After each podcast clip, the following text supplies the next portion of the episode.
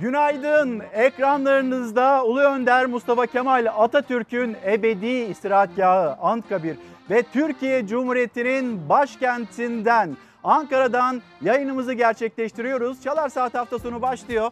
Ben İlker Karagöz. Bugün 30 Mayıs 2021 günlerden pazar dileğimiz her zamanki gibi güzel bir gün olması, sağlıklı, huzurlu bir gün olması. Ankara'dan yayınımızı gerçekleştirirken aslında gözler, dikkatler özellikle esnaf için gözler 1 Haziran'da. 1 Haziran'da Bakanlar Kurulu acaba nasıl bir karar alacak? Esnaf gözünü, kulağını tamamen Bakanlar Kurulu'na çevirmiş durumda. Bir yandan da bayram hazırlığı yapar gibi mekanlarını, kafelerini, restoranlarını hazırlıyor ve herkes 1 Haziran'a hazırlık yapıyor. Şimdi konuşacağımız konulardan bir tanesi bu olacak. Bugünkü başlığımız benim mesajım. Bu başlık altında biraz sohbet edelim istiyoruz. Siyaset, siyasetin gündemine hep birlikte bakacağız birazdan. Sözcü gazetesi yazarı Deniz Zeyrek, Deniz abi de yanımda olacak. Şöyle bir hem ekonomiyi konuşalım hem siyasetin konuştuğu konuları konuşalım. Bir referandum gündeme geldi. Böyle bir referandum olur mu olmaz mı?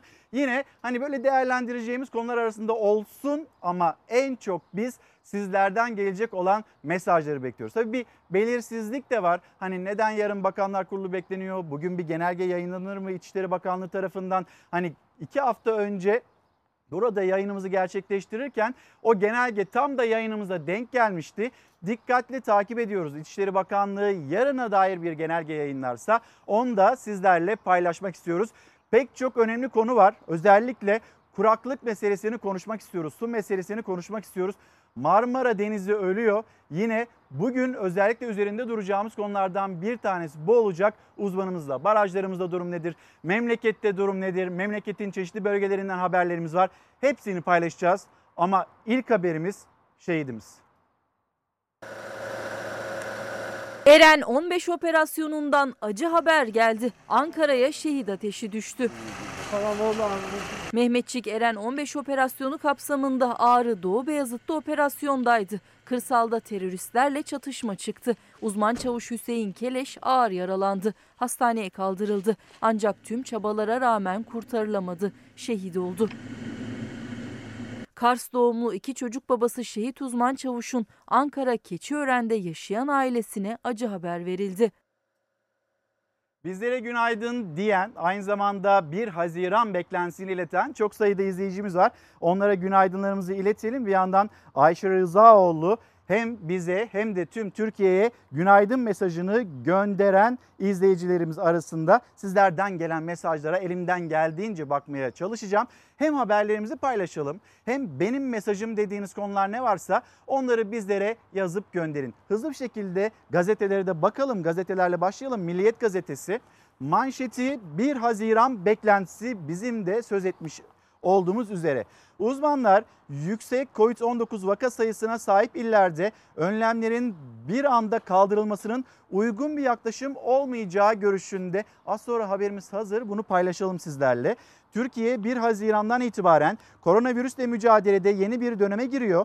Gözler yarın kabine toplantısı sonrası atılacak adımlara çevrildi.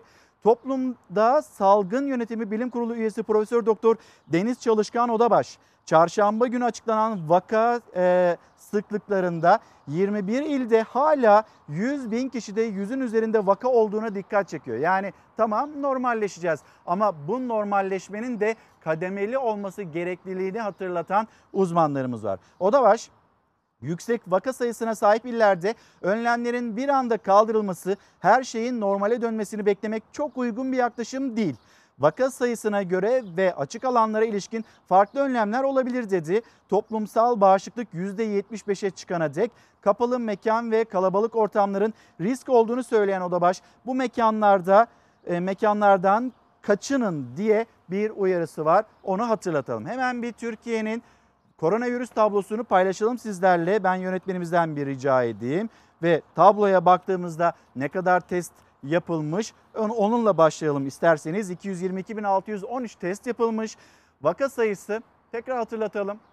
2 hafta öncesinde varılmak istenen hedef 5000 günlük 5000 vaka sayısıydı ama üzerinden 2 hafta geçti. İşte yarın bir Haziran ama biz hala 5000 rakamına hani bunu da nasıl koyduğunu anlayamıyoruz. Hani Bakanlar Kurulu'nun, Bilim Kurulu'nun böyle bir hedef nasıl konuldu? Bu hedef de çok gerçekçi değil. Hani hedef konulacaksa günlük vaka sayısı 1000 olmalı. En fazla 1500 olmalı. 5000 hedefi de doğru değil denilirken 7656 günlük vaka sayısı dün için.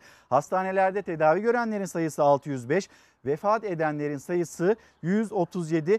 Yoğun bakımlardaki doluluk oranının düştüğünü söyleyelim. %61.9 seviyesine doğru geriledi. Ağır hasta sayısı 1391. Yani bu salgın bitmedi. Hani verecek olduğunuz mesajlardan birisi bu olsun. Bizim mesajımız bu salgın bitmedi. Ve bu salgın bitmediyse bunun gerekliliklerine uygun olarak biz yaşamımıza devam etmek zorundayız. Ne zamana kadar? Kuşkusuz hani toplumsal bağışıklığa da yol alan mesafede bizim yeterince aşılanmamız gerekiyor. Yeterince aşılanma sağlanıncaya kadar bizim dikkat etmeye maske, mesafe, hijyen herkesin aklında zaten altın kurallar olarak duruyor. Bunlara dikkat etmemiz gerekiyor. Hemen Türkiye'nin bir tablosuna ve doktorların, uzmanların uyarıları. İnsanların doğası gereği artık e, olay son noktaya geldi. İnsanlar bunu aldılar, çok sıkıldılar. Siz niye çıktınız bugün? Ben bir market için şey alacaktım. Bir de şu balıkçılara uğrayacağım. Bu bahaneyle biraz hava almış oluyorsunuz. Aslında bir 5 dakikalık, 10 dakikalık şey. Daha bu iş bitmedi. Daha pandemi devam ediyor E, ve virüs de bu e, dünyada kalmaya devam edi- e- e- ediyor. Aslında iyi değil yani böyle yasak olarak da sokağa çıkmak. Bir de uzak yerlere gitmek. Onu şimdi şu anda söyledim. Arabalar dedim vızır vızır geçiyor dedim. Nasıl yasak bu? Vaka sayıları hedeflenen düzeye 5000'in altına inmedi. Hala 7000'lerde. Kontrollü normalleşmenin 1 Haziran'da sona ereceği açıklanmıştı ancak yeni yol haritası henüz bilinmiyor. Uzmanlar salgının bitmediğinin altını çizerken tam normalleşme öncesi son hafta sonunda sokaklar yasağa rağmen kalabalıktı. Gözlerse 1 Haziran'da nelerin değişeceğine çevrildi. Bir yol haritamızın olması gerekliliği ortada. Ancak alışveriş gerekçesiyle onları dışarı çıkarabiliyorum. Yoksa zaten tüm psikolojileri bozuldu. Çocukluklarını yaşayamadılar. Bunu da mecburen kullanıyoruz. Yapacak başka bir şey yok. Hastalık var, salgın var, tedbirler var. Siz niye çıktınız? Genelde o dolapta bir şey yok yarın. Şuradan bir iki bir şey alıp döneceğiz eve.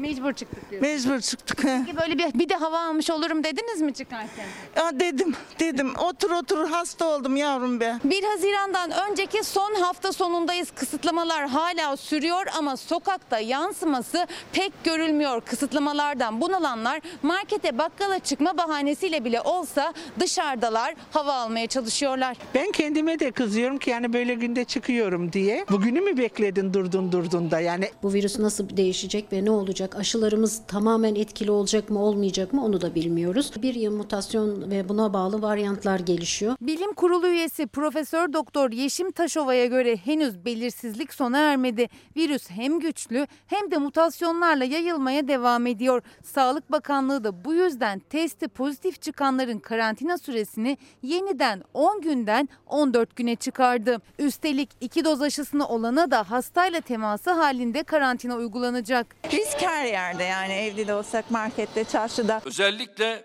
Haziran ayında yoğun bir aşılama kampanyası yürüterek ülkemiz genelinde normalleşmeyi temin etmeyi hedefliyoruz. Haziran ayı kritik. Mevcut tedbirlerle 10 binin altına düşülse de son günlerde vaka sayısı aynı seyrediyor. Yani kontrollü normalleşmede yeterince hız kesilemedi. Şimdilik tek bilinense pazar ve pazartesi günlerinde önceki haftalarda geçerli olan kurallarla devam edileceği. Salı gününden itibaren geçerli olacak kurallarınsa hafta başında açıklanması bekleniyor. Önemli olan e, bu tedbirlerle birlikte toplum bilinçlenmesiyle birlikte e, beraber e, aşılamanın da hızlanarak devam etmesi.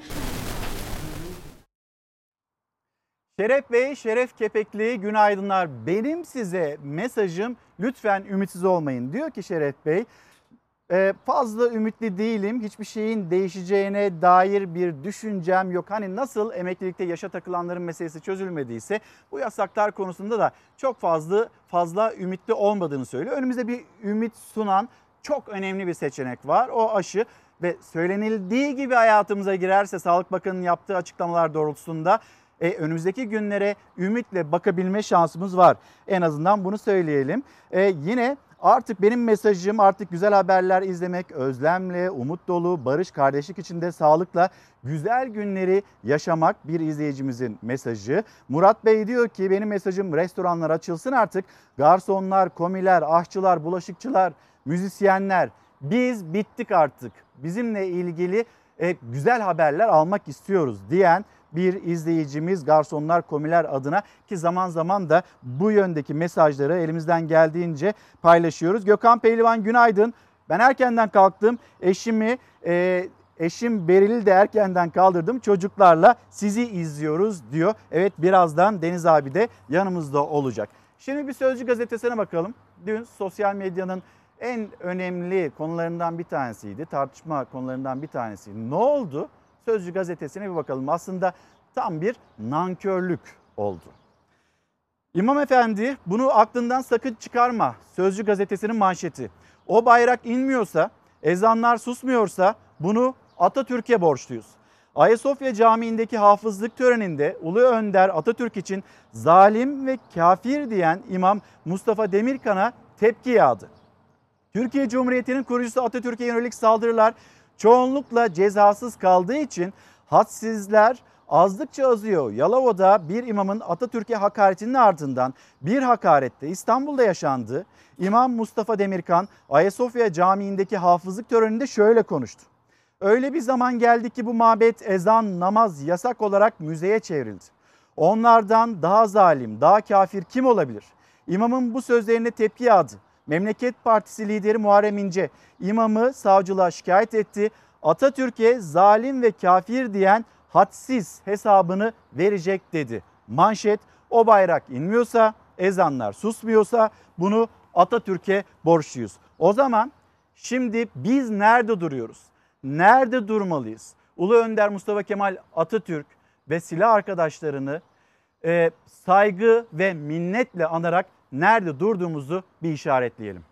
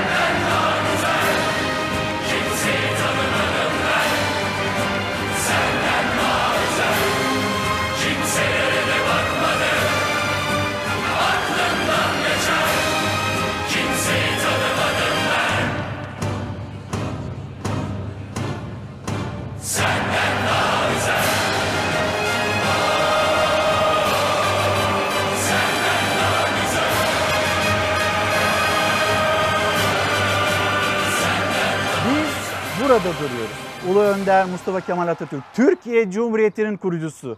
Kurtuluş Savaşı'nı bir hatırlayın ve Kurtuluş Savaşı'nda 19 Mayıs 1919 yılında yakılmış olan o meşaleyi lütfen unutmayın.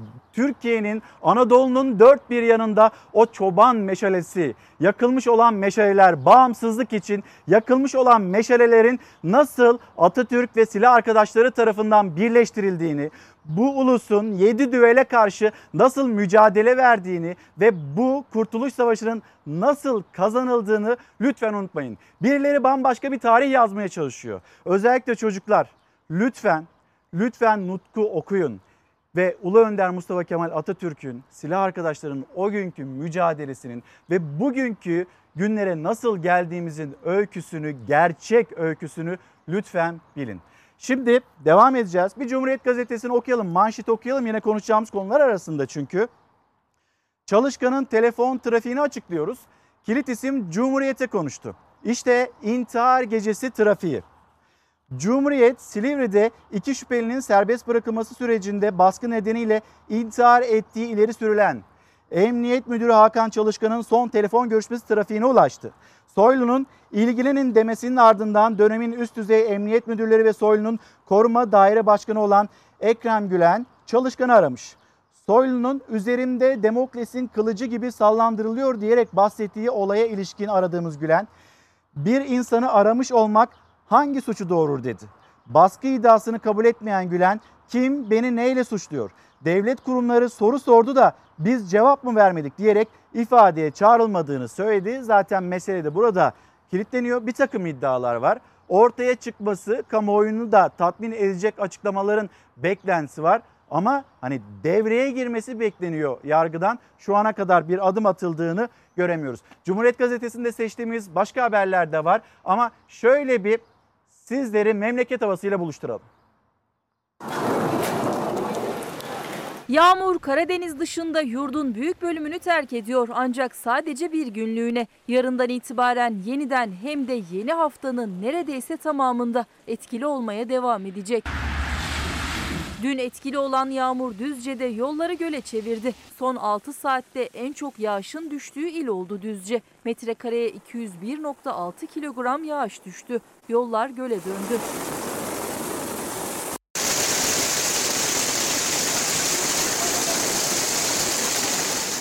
Tokat'ta aralıklarla devam eden yağmur Reşadiye'de yerini doluya bıraktı. Birkaç dakika sürdü ama etkili olduğu süre tarım arazilerine zarar vermeye yetti. Hep dalların şeylerini kırdı sarayı yıktı ama gene de Allah burnuna geçmiş etsin. Balıkesir Erdek'te gece yarısında etkisini arttıran lodos zor anlar yaşattı. Batma tehlikesi geçiren tekneler sabahın ilk ışıklarıyla kurtarıldı. Meteoroloji Genel Müdürlüğü tarafından yapılan son değerlendirmelere göre yurdun kuzey ve iç kesimleri parçalı, yer yer çok bulutlu. Sabah ve öğle saatlerinde Samsun dışında Karadeniz'in tamamında hava hafif yağışlı olacak. Trakya'nın batısında yağmur olan iki il var bugün. Edirne ve Kırklareli. Güneydoğu Anadolu'da ise hava yer yer kuvvetli, yer yer hafif olmak üzere yine yağmurlu. Sıcaklıktaysa son birkaç günün dışında gelişen çok büyük bir değişiklik yok. Ancak geçen haftalarda olduğu gibi özellikle de yurdun kuzey yarımında yakıcı bir sıcaklıkta yaşanmayacak. Şimdi esnafın beklentisine döneceğiz. Bugünden yarını konuşacağız. Yine neden yarını bekliyoruz? Bunu tabii ki bilmiyoruz. Bir belirsizlik var. Bu belirsizlik belki de Çalar Saat hafta sonuna tekrar denk gelir de İçişleri Bakanlığı genelgesi yayınlanırsa onu da sizlerle paylaşmış olacağız. Türkiye Gazetesi'ne bakalım. Kısıtlama günleri bitiyor. Bu hafta son olsun. Dileğimiz, temennimiz bu. Ve hani giderek bu vaka sayılarının da düşmesini istiyoruz. Herkes artık bunu istiyor. Çünkü bıktık hep birlikte. Çoluk, çocuk, genci, yaşlısı herkes bıktı artık. Hani kısıtlamalardan bıktı. Bir yandan bu bir gereklilik ama diğer yandan da bıktığımızda söylemekte herhalde bu mahsur yok. Kademeli normalleşme tamamlanıyor. Bütün kesimler 1 Haziran'da tam açılma beklentisiyle hazırlıklara başladı. Şimdi hemen bir esnafımıza dönelim. Çok da detaylandırmadan zaten haberimizin içinde de yer alıyor. Hemen esnafımızın mesajlarına bir bakalım.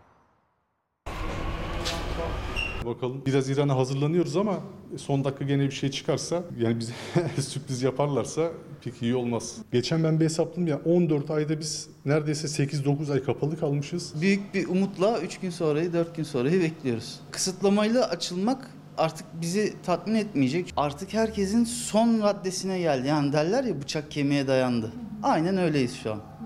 Yani ben mesela bir ay daha uzasa e, çeviremeyeceğim ve kapatmak zorunda kalacağım. Esnafın gözü 1 Haziran'da salgının başından bu yana bazı sektörler neredeyse hep kapalıydı. Restoranlar bir açıldı bir kapandı. Sadece paket serviste giderlerin üstesinden gelmek mümkün olmadı. Aylardır borç biriktiren esnaf yeni haftada müşteri kabul etmeyi umuyor. Salı günü için hazırlıklara başladılar bile. Sayılı günler kala artık esnaf da son hazırlıklarını yapıyor. Restoranlar içinse konuşulan iki formül var. Bunlardan birincisi açık alanda müşteri kabulü. Ancak tüm esnafın dış mekanda kullanabileceği bir alan yok. İkincisi ise kapalı alanda yarı kapasite müşteri kabulü. Ancak esnaf işletmelerini bu şekilde döndüremeyeceğini söylüyor. Yarı yarıya anlamında kullanıldığında gene kiranızı çıkartamayacaksınız. Tam kapasite çalışamayacaksınız. Elemanlarınızı mevzilendiremeyeceksiniz ve ciddi olarak e, hiç e, insanlar aynı sıkıntıları devamlı olarak yaşayacaklar. Yok bir alanım yok. Sadece dükkanın önüne iki tane masa koyuyorum. O da normalde yasak. Bizim gibi ufak işletmeler için bize çok bir faydası olmaz yani. Olamaz. Gene zarar uğrayacak olan bizler oluruz. Her işletmenin açık alanı yok. Yeni tedbirler açıklanırken nasıl bir ayrım yapılacağını merak ediyor esnaf. Ben şimdi bir masa attığım zaman atamıyorum. Şu an bizim artık e, masa sandalyemizi atıp müşterileri kabul etmemiz gerekiyor ki bir şeyler kazanalım. Biz de vergilerimizi ödeyelim, kiramızı ödeyelim. Dış mekanda iki masam var. Atmak istesek de yerimiz yok ki bizim. İç mekanda da üç tane var. Giderimizi karşılamaz hiçbir şekilde. Paket serviste kaç kişi geliyor ki paket alıyor? Bitti esnaf, bitti. Hep borçla gidiyorsun. 3 ya da 5 bin liralık hibeden de 300 bin esnaf şartlara uymadığı için yararlanamıyor. Eskisi gibi müşteri kabul edebilmek için gün sayıyorlar. Esnaf kaderiyle baş başa bırakılmış durumda. Her bir esnaf korkunç bir borç yükü altına girdi. Bir haftadır kredi arayışı içindeyim. Kredi alamazsam mecburen önümüzdeki ay kapatacağım. Çünkü ödemelerimi yapamıyorum.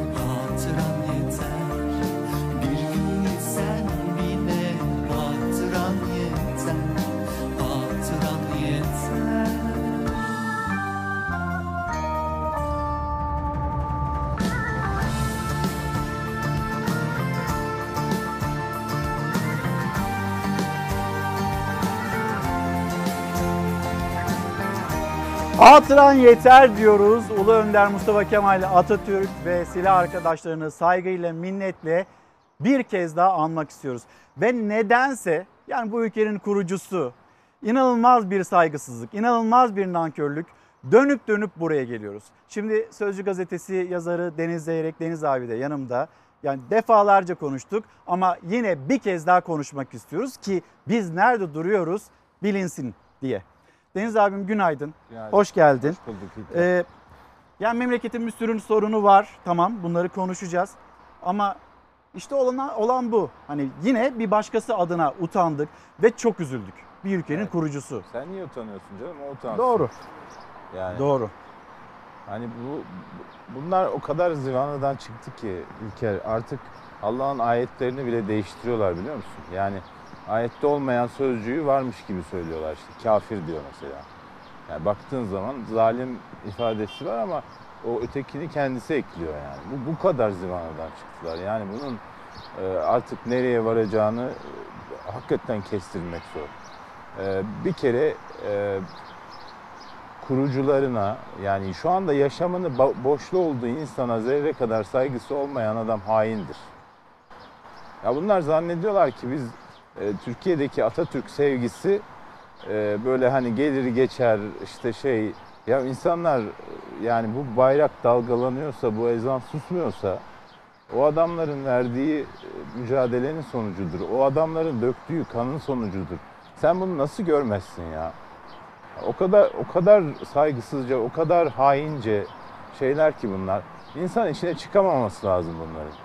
Bir de ben, ben anlamıyorum şeye seçiyorlar sanki ya bu Ayasofya'ya Atatürk düşmanlarını seçip gö- görevlendiriyorlar. Yani nasıl bir iştir? Bütün böyle hani camiayı gerçekten hani şey Tenzih yaparım, ederek. tenzih ederim yani. Ama niye böyle çıkıyor ya? Daha geçen gün de Akçakoca'da biliyorsun Selanik göçmenlerine biri çıktı neler dedi. Hem ırkçılar hem başka dinlere saygıları yok. Ya hak din değil mi diğerleri de? Yani niye saygı göstermiyorsunuz? E, ya bu bu işler çok şey ama üzücü olan ne biliyor musun? Nedir yani abi? iktidarın da bu bu aralar böyle dine sarılması, bu işlere sarılması. Yani e, camilerin, ibadetin e, siyasi amaçlarla kullanılması. O, o bütün o teşvik ediyor bunu. Yani iktidara yaranabilmek için, bunlar daha iyi görevlere gelebilmek için bu tür çıkışlar yapıyorlar. Ben Atatürk'e hakaret edeyim, Atatürk'e zalim diyeyim, Atatürk'e kafir diyeyim. Beni bir yerlerde görevlendirsinler gibi bir hissiyat içindeler. Üzücü olan o. Yani Atatürk'ün koltuğunda oturan Sayın Cumhurbaşkanı'nın o lafları duyduğumda ya senin buna hakkın yok böyle diyemezsin demesi lazımdı. Ama demedi yani. O da işte karşısında bu sessizlik olunca bu tür şeyler yapmaya cesaret ediyor. Deniz abi biz şunu duymadık mı? Ee, Türkiye Cumhuriyeti'nin işte meclisinde, meclis başkanlığı koltuğunda oturan kişiden Atatürk'süz, Atatürk'ü anmadan 19 Mayıs kutlaması buna tanıklık etmedik mi? 19 Mayıs'ta Samsun'a çıkan heyet denilerek orada Samsun'a kimin çıktığından söz etmeyerek cümleler kuranları da görmedik mi? E gördük. E ne oldu? Bunların hepsi hazır yiyici biliyor musun? Hazıra konmuşlar, hazırı yiyorlar, tüketiyorlar. Yani Atatürk'ün kurduğu cumhuriyetin mirasını yiye yiye bitiremediler ya. Sattılar, harcadılar. İşte şimdi ekonomik durumumuz da ortada. AK Parti iktidara geldiğinde den itibaren 65 milyar dolarlık şey sattı. Yani Cumhuriyet'in sahip olduğu özelleştirme adı altında işte Türk Telekom'dan tut da e, fabrik şeker fabrikaları e, Miras, Tabii, Cumhuriyet'in mirasları. Cumhuriyet'in mirası, Atatürk'ün mirası. Sata sata bitiremediler. Ama işte Atatürk'ü de sileceklerini zannediyorlar. Ya kimse bizim kafamıza silah dayamıyor ki Atatürk'ü sev diye. Yani düşünsene e, Anıtkabir'e gidiyorsun mesela. Hem işte 10 Kasım'da gidiyorsun, saygını gösteriyorsun. Hem milli bayramlarda gidiyorsun, saygını. Ankara'ya gelen her misafirimizle gidiyoruz Ha, oraya. Sen e, senin kafana silah mı dayıyorlar? Hatta gitmen tehlikeli bu iktidar açısından. Yani sen seni orada görse bu adam bizden değil diye önünü, önünü tıkarlar. Yani bürokratsan terfi edemezsin. Başka iş yapıyorsan devletle iş yapamazsın falan. E, Riskli şeyler olmasına rağmen milyonlar oraya akın ediyor. E, Artık kurtulsunlar. Göğsünü gere gere. Tabii ki. Artık kurtulsunlar bu Atatürk kompleksinden. Yani e, Cumhurbaşkanı'nı Atatürk'ün yerine koymaya çalışıyorlar. Öyle bir şey yaratmaya çalışıyorlar. Öyle değil işte. Yani dün İstanbul'un kurtuluşunun yıl dönümüydü. Şey, fethinin yıl, yıl dönümüydü. Ee, o gün Fatih Sultan Mehmet'in aldığı ama 1920'lerde, e, 1918'de biliyorsun Ekim ayında işgal ordusu İstanbul'a girdi. İstanbul'da denizler e, yabancı donanmalarla doluydu. Atatürk'ün Vahdettin'le son yaptığı görüşmede Yıldız Sarayı'nın penceresinden düşman gemileri görünüyordu ve gemilerin topları Yıldız Sarayı'na çevriliydi. Atatürk öyle bir manzarada Vahdettin'le görüşüp iki gün pardon ertesi gün hatta yani ona onun 15'inde görüşüyor, 16 Mayıs'ta yola çıkıyor. Şimdi bu, bu bunların hepsi tarihte var, arşivlerde var. Gitsinler, okusunlar. O heyet miydi bakalım? Kim topladı, kim cesaretlendirdi? Vahdettin'e kalsaydı böyle bir şey olur muydu? Vahdettin Atatürk'e o görüşmede ne teklif ediyor? Diyor ki ya subayları ikna et, işgalcilerle iyi geçinsinler. Onlarla ne kadar iyi geçinirsek devleti o kadar iyi kurtarırız. Böyle böyle bu zihniyeti mi istiyorlar? Ne istiyorlar yani? Deniz abi bir düne dönelim. Sen de konusunu açtın. İstanbul'un fethinin yıl dönümüydü. Ee, hem görkemli kutlamalar vardı hem de verilen mesajlar. Hemen aktaralım.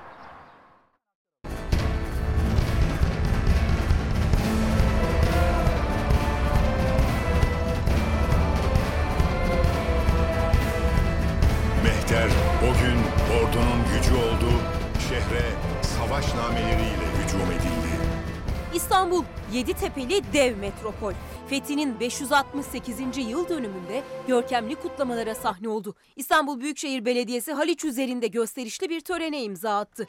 Cumhurbaşkanlığı İletişim Başkanlığı da Galata Kulesi'nde görsel şölen düzenledi. Cumhurbaşkanı Erdoğan da kutlama mesajını 9. Uluslararası Fetih Kupası okçuluk yarışmaları ödül törenine gönderdiği videoyla verdi. Gençlerimizle birlikte Malazgirt'te Alparslan'ın cesaretini, Söğüt'te Osman Gazi'nin rüyasını, İstanbul'da Fatih'in devrimini, Ankara'da Gazi Mustafa Kemal'in dirayetini, 15 Temmuz'da istiklaline sahip çıkma iradesini yaşatarak adım adım büyük ve güçlü Türkiye'yi inşa ediyoruz. İstanbul Büyükşehir Belediyesi tören için Haliç Kongre Merkezi'ni seçti. Fatih'in İstanbul'u almak için döktürdüğü Şahi topunun ağzından esinlenerek tasarlanan 37 metrelik sahnede İBB Mehteran takımı marşlar seslendirdi. Daha sonra şölen, drone, mapping ve ışık gösterileriyle devam etti. İstanbul'un bundan tam 568 yıl önce bugün milletimize yani tam da bugün milletimize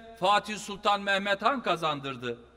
Ve bu aziz kenti düşman işgalinden kurtaran Gazi Mustafa Kemal Atatürk'ün sayesinde bundan 98 yıl önce ikinci kez bir nevi emanetine sahip çıkarak Gazi Mustafa Kemal Atatürk sayesinde tekrar milletimizin yurdu olmaya devam etti. O yüzden bu kutsal şehir tarihimizdeki en önemli iki liderinden bizlere ebediyete dair sürecek bir emanettir. Törene CHP lideri Kemal Kılıçdaroğlu ve İyi Parti lideri Meral Akşener de katıldı. Kılıçdaroğlu ve Akşener'in tören öncesi kolonya sohbeti sosyal medyada çok paylaşıldı. Sağ olun, sağ olun. Çok teşekkür ederim. Ben herkese tokalaştım da. İstanbul'un fethine ve onun emanetine sahip çıkan ve bu şehri işgalcilerden kurtaran Mustafa Kemal Atatürk'ün dediği gibi bu şehir Türk vatanının ziyneti, Türk tarihinin serveti, Türk milletinin göz bebeğidir. Bugün dilerim ki, dilerim ki her birimiz yedi emin olan İstanbul emini, şehri emini olan Sayın İmamoğlu da başta olmak üzere bu ülkede yönetimde bulunan herkes dilerim ki Fatih Sultan Mehmet Han'dan, onun adaletinden, onun saygısından feyz alır, o yolda yürür.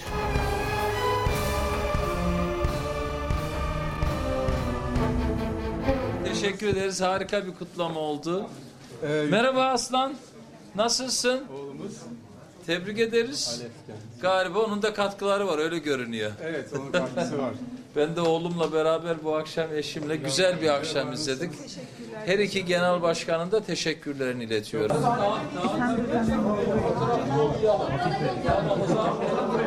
Cumhurbaşkanlığı İletişim Başkanlığı, Kültür ve Turizm Bakanlığı işbirliğiyle Galata Kulesi'ne bir devri kapatan Fethin hikayesini resmetti. Ayasofya'nın semasına da gökyüzü video haritalama yöntemiyle fetih görselleri yansıtıldı. Kutlu olsun boğazın mavi suları. Ey Haliç, Marmara. Efendim az sonra Türkiye'nin gündemine döneceğiz. Benim mesajı altında sizler de mesajlarınızı gönderirsiniz. Sizin gündeminizde ne varsa onları da bizimle paylaşırsanız seviniriz. Reklamlar dönüşte buluşalım. Günaydın bir kez daha. Çalar Saat hafta sonu devam ediyor. Sözcü gazetesi yazarı Deniz Erek'le Türkiye'nin sıcak gündemini de konuşacağız. Deniz abi şimdi e, bir tartışma var. Mustafa Çalışkan, Emniyet Genel Müdür Yardımcısı kurmuş olduğu cümleler. Hani kurduğu cümlelerin karşılığında İçişleri Bakanı Süleyman Soylu'dan bir açıklama gelmedi. Ama ne diyor Mustafa Çalışkan? Kim nasıl açığa alacak beni göreceğiz. Hani bir yandan da İçişleri Bakanı'nın açıklamalarından hani benim rahatsız olup olmamam çok önemli değil. Toplum rahatsız. Yani Emniyet Genel Müdür Yardımcısı İçişleri Bakanı ile ilgili bu ifadeleri kullanıyor. İçişleri Bakanı'ndan henüz bir yanıt gelmedi. Neden hani kuruluyor bu cümlelerde? Bakanı- Meselenin önüne Heh, Ne yanıt verecek ki yani? Bu böyle bir durumda e, yani yapması gereken tek şey var yani. Hani İçişleri Bakanı'ndan toplum rahatsız diyen bir müdürü e, tutar mısın? Tut- Tutmaması lazım ama demek ki gücü yetmiyor yani. Öyle bir durum var. Bu tartışmanın başlangıcı da Peker'e, organize suç örgütü lideri olmakla suçlanan Sedat Peker'e korumayı kim verdi? Neden böyle uzun bir süre yanında durabildi? Böyle bir tartışma. Bir de Haberimizi Hakan, izleyelim. Hakan Çalışkan'ın intiharı meselesi var. Cumhuriyet Gazetesi'nin manşeti Evet. onu da hatırlatalım. Hemen bir haberimizi izleyelim. Bir devlet krizi mi yaşanıyor? Ne oluyor? Ankara kulislerinde ne konuşuluyor? Deniz Zeybek'le e, yine konuşacağız, değerlendireceğiz. Bir bakan kendi altında çalışan biri hakkında konuşmaz kamuoyunda. Bir suç varsa cezalandırır. Görevden alacaksa alır ama itham edemez. İstanbul Emniyet Müdürü Selami Altınok, terörden sorumlu müdür yardımcısı da zannediyorum Mustafa Çalışkan. Kimin burada bir istismarı, bir imtiyazı, bir kurgusu bu hesabı da sorulur. Mustafa Çalışkan gibi bir insanı açığa kim alacak, nasıl alacak bir görelim bakalım. Çok merak ettim. Mustafa Çalışkan'ın verdiği bu demecin ardından Süleyman Soylu'dan ses yok. AK Parti'den ses yok. Hükümetten ses yok. İçişleri Bakanı Süleyman Soylu'nun Sedat Peker'e polis koruması verilmesi tartışmasında işaret ettiği isimlerden bugün Emniyet Genel Müdür Yardımcılığı koltuğunda oturan Mustafa Çalışkan res çekti. O reste karşılık Soylu da sessiz Cumhurbaşkanlığı da. Buradan başka bir şey daha ortaya çıkıyor. Her bir bürokratın arkasında farklı birisi var. Mustafa Çalışkan'ın arkasında kim var? Suç örgütü liderliği suçlamasıyla hakkında yakalama kararı çıkartılan Sedat Peker'e ilk koruma 2015 yılında verildi. İçişleri Bakanı Süleyman Soylu'nun göreve geldiği 2016 yılından sonra da uygulama devam etti. 2016'dan sonraki kararlarda Mustafa Çalışkan'ın İstanbul Emniyet Müdürü olarak imzası var. Kendi siyasi kararlarınızın bedellerini devletin namuslu bürokratlarına fatura etmeyin kardeşim. Çıkın adam gibi ne yaptıysanız millete anlatın. Bu konuyla ilgili soruşturma açtık. İnciğini, cinciğini, buradaki eksik nedir, aksak nedir tamamına bakacak. Türkiye'deki en dürüst insanı neden dolayı açığa alacaklar çok merak ediyorum. Çıksın bir görelim bakalım. Türkiye'de insanlar var, dürüst siyasetçiler var. En başta Sayın Cumhurbaşkanı var. Emniyet Genel Müdür Yardımcısı Mustafa Çalışkan, İçişleri Bakanı'nın o tarihteki kararlara ilişkin eleştirilerine yanıt verdi. Bakanın açıklamalarından toplum rahatsız dedi. Bence toplum rahatsız. Benim rahatsız olmam çok da önemli değil. Devletin iskeleti kalmadı. Başı ayağı belli olmuyor artık. Mustafa Çalışkan toplum rahatsız ben olmasam bile söylerken Süleyman Soylu işaret etti. Peki Süleyman Soylu niye konuşmuyor? Muhalefet İçişleri Bakanı'nı sorumluluğu üstünden atmaya çalışmakla eleştirirken kendisine bağlı çalışan Emniyet Genel Müdür Yardımcısı Mustafa Çalışkan'ın resti karşısında Soylu'nun sessizliğine dikkat çekiyor. İktidardaki ayrışma diyor. Mustafa Çalışkan şu anda koltuğunu kaybeden Berat Albayrak'a mı güveniyor? Cumhurbaşkanına mı güveniyor? Mustafa Çalışkan'ı bu sözleri söylemeye cesaretlendiren kim? Hükümet paramparça olmuş. Şimdi bir telefon trafiği Cumhuriyet Gazetesi'nin manşetinde e, Deniz abi ve işte Emniyet Müdürü Hakan Çalışkan neden canına kıydı, ne oldu, bu telefon trafiği nereye evrilir ve bir yandan da ne oluyor, bir devlet krizi mi yaşanıyor? Biraz açalım mı? Devlet krizi, devlet var mı ki krizi olsun ya? Yani böyle böyle ben böyle bir yönetim görmedim yani. Hakikaten tuhaf bir şey yani. Bir e, bürokrat çıkıyor, bakana meydan okuyor. Ee, ama derin bir sessizlik var ama bürokrat... Apaçık bir meydan okuma mıdır değil midir? De- ya İlker şimdi yani ben patronuma desem ki benim patronumdan toplum rahatsız ben rahatsız olsam ne olur patronum ne yapar? Beni alır kapının önüne koyar yani. O zaman toplumun rahatsız olduğu patronla niye çalışıyorsun? Değil mi? Niye burada duruyorsun der. Beni kulağımdan tutar kapının önüne koyar yani. E, Yani bu şimdi hem de açıklamada Sayın Cumhurbaşkanı'na referans veriyor. Yani dürüst siyasetçiler var Sayın Cumhurbaşkanım gibi. Yani bu bana şunu düşündürüyor. Sayın Çalışkan'ı orada Cumhurbaşkanı tutuyor. Süleyman Soylu'ya rağmen tutuyor.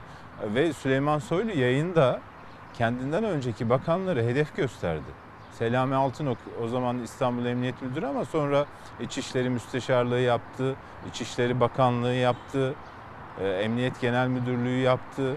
Şimdi 2015'teki koruma kararının altında İstanbul Emniyet Müdürü olarak imzası var diyor. Şimdi mesela Kadıköy Emniyet Müdürünü suçladı ya. Evet. Nurettin Demir. Ee, onun işte sanal bir DHKPC e, şeyi e, tehdidi yaptılar. Onun üzerine onun da kardeşi DHKPC'li. Onun üzerine bu koruma kararı verildi. Ben baktım e, bu Nurettin Demir Kadıköy'den ne zaman ayrılmış?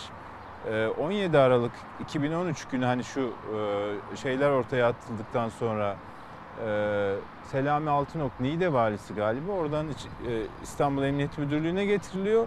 22 Aralık'ta da Kadıköy Emniyet Müdürünü FETÖ'cü diye görevden alıyor. Çok önemli bu. Yani 23 Aralık 2013'te Kadıköy Emniyet Müdürü görevden alınmış. E sonra? Ee, ondan sonra başka bir müdür atanmış oraya. Ee, FETÖ'cü olduğu için, görevden alındığı için de bu e, kızak bir göreve yani merkeze gönderiliyor. E, merkezdeki biri 2015'te nasıl bir e, istihbarat raporu hazırlıyor da Sedat Peker'i DHKPC tehdit ediyor. Yani bu da tuhaf yani. Orada ben şeylere de baktım. E, istihbarat daire başkanlığının raporu. Sedat Peker'in işte DHKPC, MLKP, PKK gibi terör örgütlerinin hedefi olduğuna dair bir rapor hazırlanmış. 2015'te bunun üzerine de e, koruma verilmiş yani. Şu hani yapılan haber vardı ya Anadolu Ajansı tarafından FETÖ Ha, izi diye. FETÖ izi Onun diye. ışığında bir anlatır mısın? Çünkü hani Vasip Şahin var o imzada, Selami Altınok var o imzada. Tabii. Sonra gerçi Anadolu Ajansı tarafından o haber geri çekildi. İşte Anadolu Ajansı yani sence Selami Altınok Anadolu Ajansı Genel Müdürünü arayıp sormamış mıdır bu haberi neye göre yaptınız diye? Bence sormuştur. Peki sorduysa ne cevap almıştır? Nereden geldi bu haber? Nasıl paylaşıldı? İşte FETÖ efendim izi. bize, bize İçişleri Bakanlığı'ndan geldiği için sağlam olduğunu düşündük. O nedenle verdik demiş olabilir mesela Anadolu Ajansı yetkilileri. Yani dolayısıyla da ya bu çok enteresan bir hal aldı. Yani e, tamam Sedat Peker'e yanıt verirsin ama senden önce çalışan e, insanları da e, şeyin ortasına atmazsın. Ben iddia ediyorum bak e, İçişleri Bakanı Süleyman Soylu'nun açıklamalarına Selami Altınok kadar Efkan Ala da kızgındır. E, Adalet Bakanı e, Abdülhamit Gül de kızgındır. Yani AK Parti içinde çok ciddi bir rahatsızlık var bununla ilgili bu açıklamalarla E, tabii ilgili. çünkü yani benden önce mesela diyor Sayın Bakan.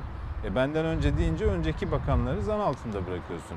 Ya da yargı yapmıyor diyor mesela. E yargı yapmıyor deyince ne oluyor? Adalet Bakanı'nı zan altında bırakıyorsun. E dolayısıyla da bir e, yani bu... E nereye gidecek? Nereye gidiyor? Ya işte şöyle bir şey yapıldı. Çarşamba günü Sayın Cumhurbaşkanı hani bir net tavır koyarım ondan sonra biter diye düşündü. Ee, yani gerçekten de ben ben de öyle bakarım yani söylene, söyleyene de bak hani neler söylediği kadar ne- söyleyene de bak şeyine geçtiler moduna.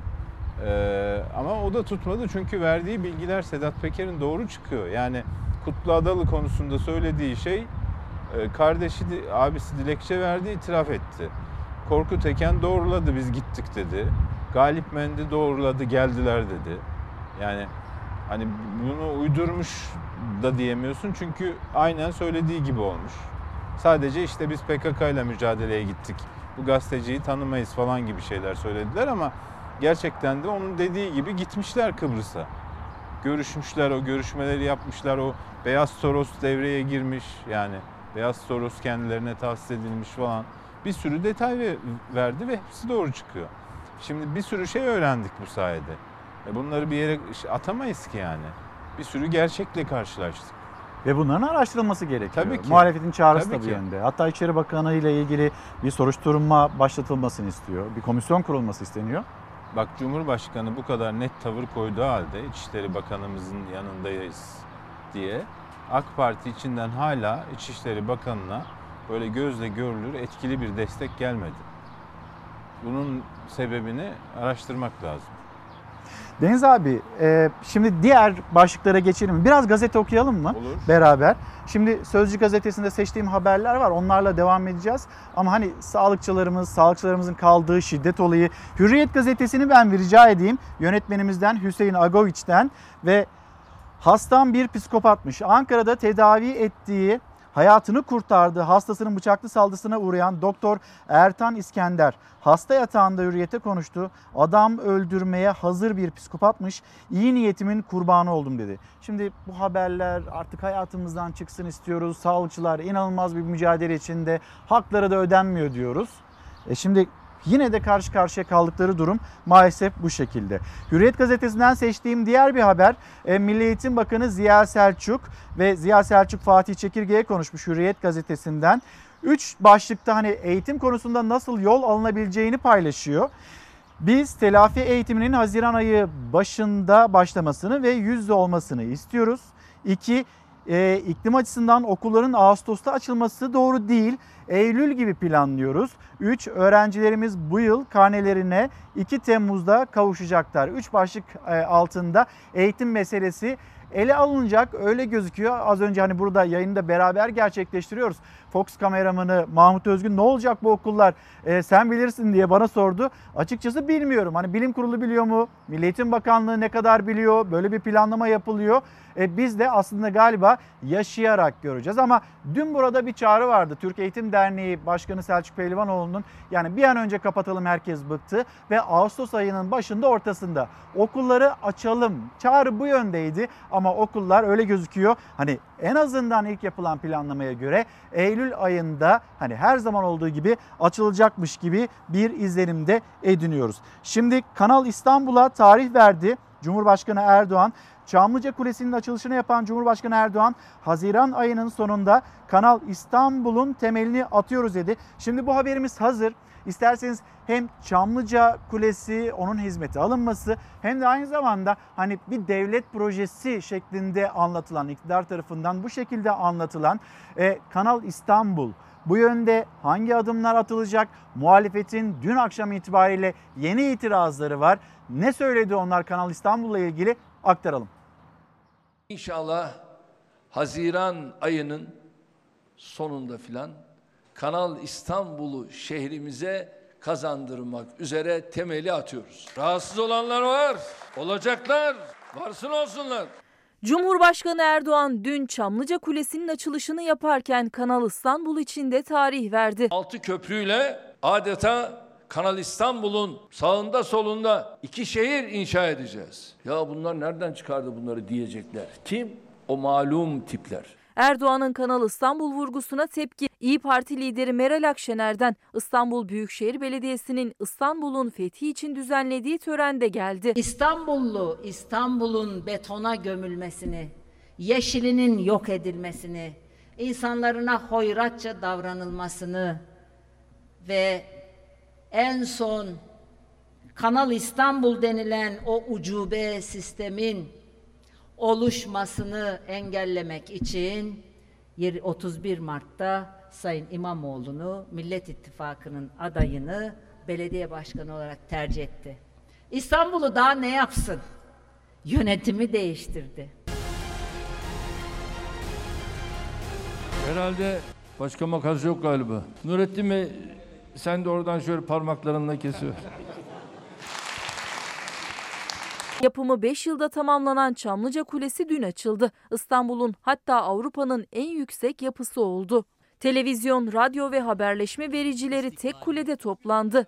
Çamlıca Kulesi deniz seviyesinden 587, yerdense 369 metre yükseliyor. Sonunda hakikaten sadece ülkemizde değil, tüm dünyada örnek teşkil edecek bu projeyi başarıyla hayata geçirmiş olduk. Bu kule sayesinde Çamlıca görüntü kirliliğine son verdi. Erdoğan kuleyle görüntü kirliliğine son verildiğini söyledi. Çevrecilik lafla olmaz dedi. Çevrecilik lafla olmuyor.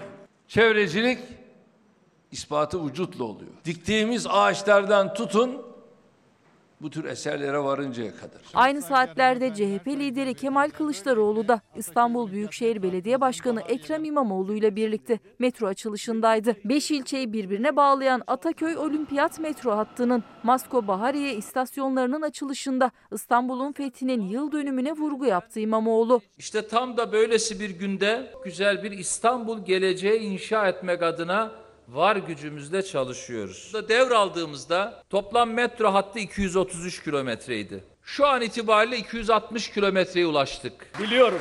Bunu yaptığınızda yine diyecekler. Vay elini arkaya attın soruşturma.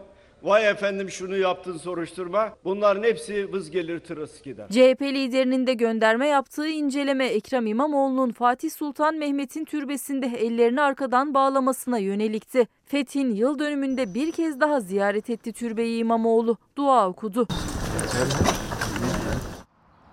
Deniz abi şimdi e, Kanal İstanbul'la ilgili muhalefetin duruşu, tavrı net ve bunun ucube bir proje olduğu söyleniyor muhalefet tarafından. Cumhurbaşkanı Erdoğan da hayır bu yapılacak ve hani e, bunun da Türkiye için kıymetli olduğunu paylaşıyor. Şimdi bunu değerlendirmeni isteyeceğim ama bir haber okuyayım Sözcü gazetesinden. E, mutfaklarda yangın var, insanlar perişan halde. Yani çok büyük bir kaynak, çok büyük bir proje ama bir yandan da hanelerin içinde ciddi bir problem yaşanıyor. Muhalefet oraya bakalım. Hani doğruysa da şimdi değil en azından bir tavır sergileniyor. CHP lideri Kemal Kılıçdaroğlu dar gelirli milyonlarca vatandaşın isyanını dile getirdi. İktidara tepki gösterdi. Kılıçdaroğlu iktidara şöyle seslendi. Mutfaklarda yangın var, insanlar perişan halde. Bu iktidar sorunları çözemiyor. Referandum yapalım. Millet seçim istiyorsa seçime gidelim. Şimdi bu, bu referandum da ayrı bir hani mizah konusu haline geldi. Takvim hani anayasa konusunda Cumhurbaşkanı Erdoğan söyledi bunu. Sonra hani referandum olacaksa diyor ana muhalefet lideri Kemal Kılıçdaroğlu da e, biz seçime gidecek miyiz gitmeyecek miyiz halka bunu soralım. Takvim e, 2022 e, bir yıl sonra da erken seçim yani 2022'de referandum 2023'te seçim mi yapacağız? Yok bence yani bu konuda çok net söyleyeyim. Ee, böyle olağanüstü bir ekonomik kriz yaşanmazsa yani böyle devletin maaşları ödeyemediği, e, borçlarını ödeyemediği vesaire böyle ciddi anlamda hani devlet çökmezse e, seçime gidecek bir durum olmaz. Referandum? Referandum da olmaz. Referandum sonucu zaten Cumhurbaşkanı seçime niye gitmiyor, niye gitmez? E, kaybedeceği seçime gitmek istemez. Referandumun sonucundan da Cumhurbaşkanı'nın desteklediği görüşün karşısındaki görüş çıkarsa bu ne demektir?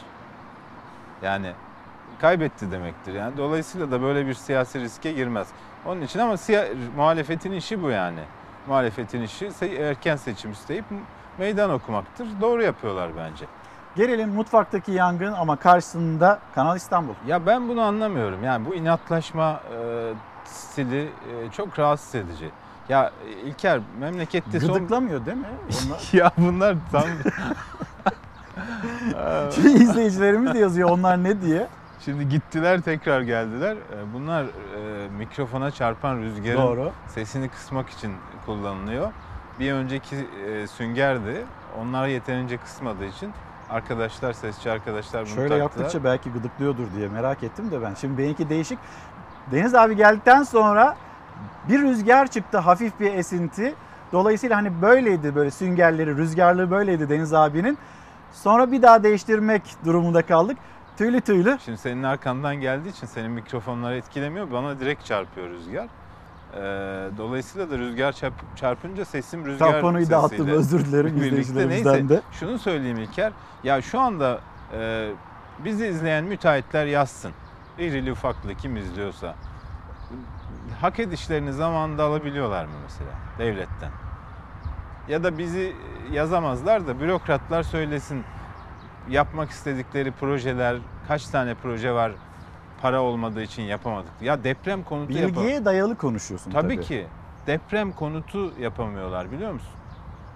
Bak senin memlekette de insanlar konteynerlarda yaşıyorlar.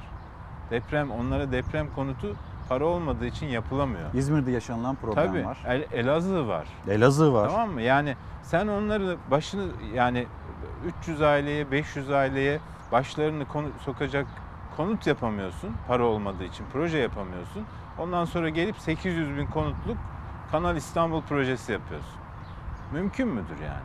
Akıl var, mantık var. İkincisi de çevreye yani bugün Marmara Denizi'nde yaşananları birazdan sen zaten işleyeceksin. Evet. Ee, İstanbul'un at, kentsel atıklarından kaynaklanan bir sorun o. Marmara Denizi ölüyor. Tabii. Orada bir hayat Şimdi bitiyor. İstanbul, Kanal İstanbul'la ilgili bilim adamlarının en çok yaptığı uyarı buydu işte. Marmara Denizi'ni öldürür diyorlardı. Kanal İstanbul yapılmadan zaten sinyal vermeye başla- başladı. Aslında Yani- Marmara Denizi 1989 yılında öldü. Şu anda biz çürümeyi görüyoruz diyen Tabii, tabii. böyle değerlendirmeler yapan bilim insanları da Tabii. var. Yani bunu, bunları niye inatlaşıyorsunuz ki? Doğayla inat olmaz, ekonomiyle inat olmaz. Önce şu depremzedelere başlarını sokacak konut yapın. 300 kişi, 500 kişi yani. Hadi diyelim 5000 kişi. Onların sorununu çözün. Sonra 800 bin konutluk işte 12 kaç 6 köprülük bilmem kaç şeylik e, o- 30-40 milyar dolar tutacak bir projeden bahsedin. Siz daha şurada 10 milyon 20 milyon liralık e, ihale yapamıyorsunuz kaynak olmadığı için. Onun için hani e, nedir hani başka modelle yapacaksın onu da ayrı tartışırım ben. Ne, ne güvencesi vereceksiniz hadi köprüye geçmediği halde geçmiş gibi Ay, para ödeyeceksin. verilen güvencelerde ne bileyim otoyolları için, havalimanları için yolcu garantisi, işte araç garantisi. Ya işte e, biz onlar da bu sefalete rağmen bak bu sefalete rağmen vergilerimizle onlara para ödemeye devam ediyoruz. 2021 yılında bu e, hastanelere, otoyollara, köprülere vesaire verilen garantinin toplamı ne kadar biliyor musun? 31 milyar lira. Uf. Büyük para yani. Of. Sen vatandaşın e, dükkanını kapatıyorsun.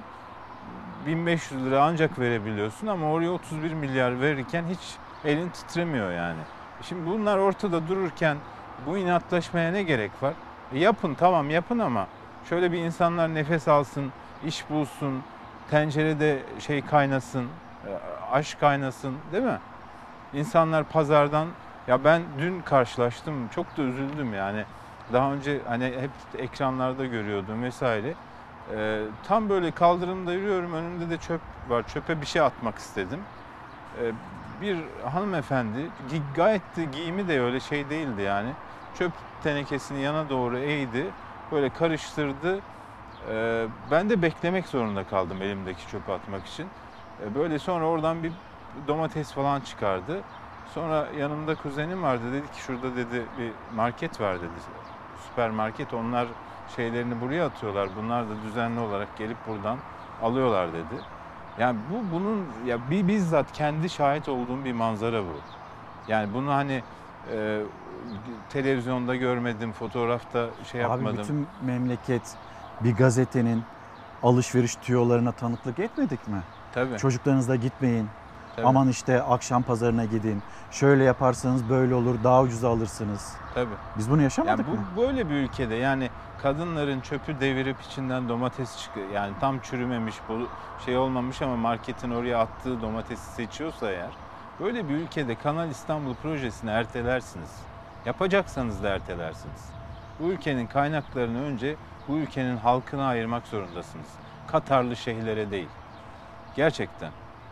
Yani Kanal İstanbul projesi Katarlı şeylere, bilmem neredeki emirliklerdeki emirlere, şunlara bunlara yapılan bir proje. Bizim kaynaklarımızı önce kendi halkımıza ayırmamız lazım. Kanal İstanbul projesini ayrıca tartışırız. Ama şu anda bu ülkenin ekonomik koşulları insanların karnını doyurmaya, insanlarına iş bulmaya yetmiyor.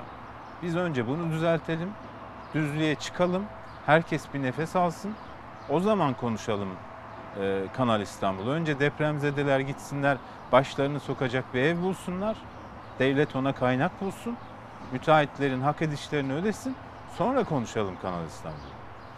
Deniz abi şimdi yine bir haber Biden'ın maskesi düştü. O da terör sevici çıktı. PKK YPG'ye kucak açtı.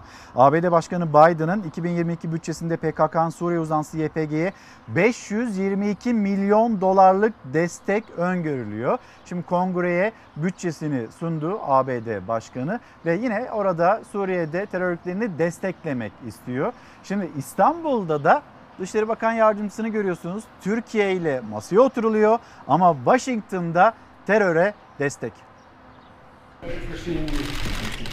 Amerika Birleşik Devletleri Türkiye ile İstanbul'da masaya oturdu. Washington'da terör örgütlerine desteği sürdürme kararını açıkladı. İki ülke arasında uzun süredir ciddi sorunlar yaşanıyor. Türkiye terör örgütlerinin Amerika Birleşik Devletleri tarafından desteklenmesini itiraz ediyor. Amerika Birleşik Devletleri ise Rusya'dan hava savunma sistemi S-400'lerin alınmasına Cumhurbaşkanlığı Sözcüsü İbrahim Kalın, Amerika Birleşik Devletleri Başkan Yardımcısı Wendy Sherman'la Dolmabahçe'de görüştü. NATO zirvesinde Cumhurbaşkanı Erdoğan ve Amerika Birleşik Devletleri Başkanı Joe Biden'ın yapacakları görüşmeye hazırlık yapılırken Türkiye ulusal güvenlik endişelerini de hatırlattı. Ama Amerika Birleşik Devletleri PKK-PYD konusunda pozisyonunu değiştirmedi. Suriye'de binlerce tır dolusu silah ve mühimmat desteği sağladığı terör örgütünü 2022 yılında da destekleme kararını açıkladı. 2022 mali yılına yönelik hükümet harcamalarını içeren ilk kapsamlı bütçe teklifini ABD Kongresi'ne sunan Joe Biden, DAEŞ'la mücadeleyi bahane gösterip YPG'ye 522 milyon dolarlık destek talep etti.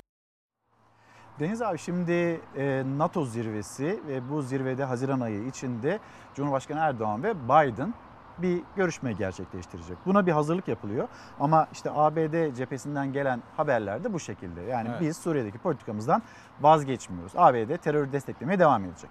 Evet. Ya Türkiye'nin Amerika'nın bu bölgedeki icraatlarını artık etkileme gücü kalmamış. Yani Türkiye'nin normal şartlar altında buna geçit vermemesi gerekiyor. Ama maalesef seyirci durumdayız. Ve Amerika bildiğini okuyor. Sorsan diyecek ki sen de S-400 alma kardeşim gibi bir bahane üretmişler. Ee, onun üzerinden şey yapıyorlar. Yani, Yani, Türkiye S-400'leri almaktan vazgeçse bile bu mesele çözülmeyecek gibi gözüküyor. Yok artık çok geç. Çok geç yani Türkiye'nin diplomasi de gücü kalmadı İlker. Bak Rusya ya öyle bir şey olmuşuz ki bağımlı hale gelmişiz ki. Dışişleri sözcüsü bizi tehdit etti ya. Kırım Tatarları ile ilgili işte Çeçenlerle ilgili, Çerkezlerle ilgili e, açıklama yaparsanız biz de sizin etnik, dini, dilsel sorunlarınızı gündeme getiririz diye. Açıktan tehdit etti ya. Çıtımız çıkmadı. Ee, Kırım Tatarlarının sürgünüyle ilgili açıklamada geçen sene Ukrayna'nın toprak bütünlüğü demiştik. Bu sene onu da diyemedik. Yani Ukrayna'nın toprak bütünlüğünü destekliyoruz ifadesi bu seneki açıklamaya konamadı. Belarus'ta Lukashenko yönetimi biliyorsun acayip otoriter bir adam ve Putin'in kuklası.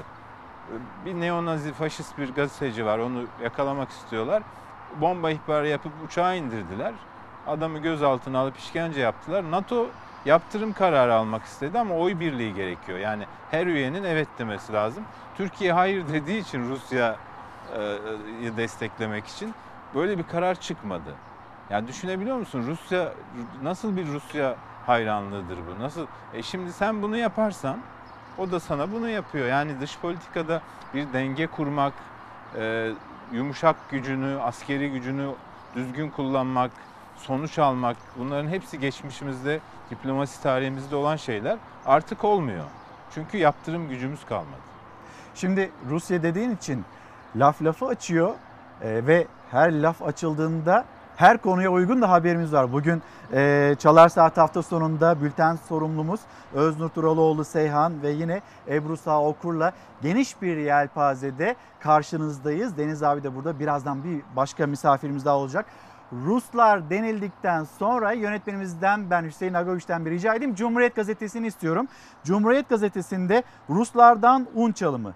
Tarımı bitiren iktidar gıda ve tahıl uzmanlarını Rusya'ya kaptırıyor. CHP milletvekili İlhami Özcan Aygün Türkiye'nin her yıl 11 milyon ton buğday ithal ettiğine dikkat çekerek iktidar un ihracatı için buğday alıyoruz masalı anlatıyordu. Artık Rusya unu kendisi yapıp kendisi satacak. Bunun için de Profesör Doktor Hamit Köksel'i transfer etti açıklaması bu şekildeydi. Meclis kürsüsünden konuştu İlhami Özcan Aygün. Şimdi biz hani yurt dışından buğday alıyoruz ve sonrasında memleketimizde un haline getiriyoruz, makarna haline getiriyoruz. Katma değerli bir ürün halinde de ihracat yapıyoruz.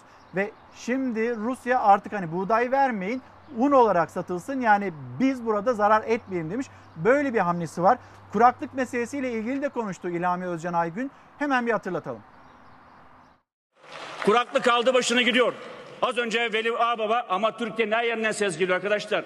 Çıkın sahaya. Geçtiğimiz hafta biz Denizli Aydın'daydık. Diğer arkadaşlarımız Konya'da, Karaman'da.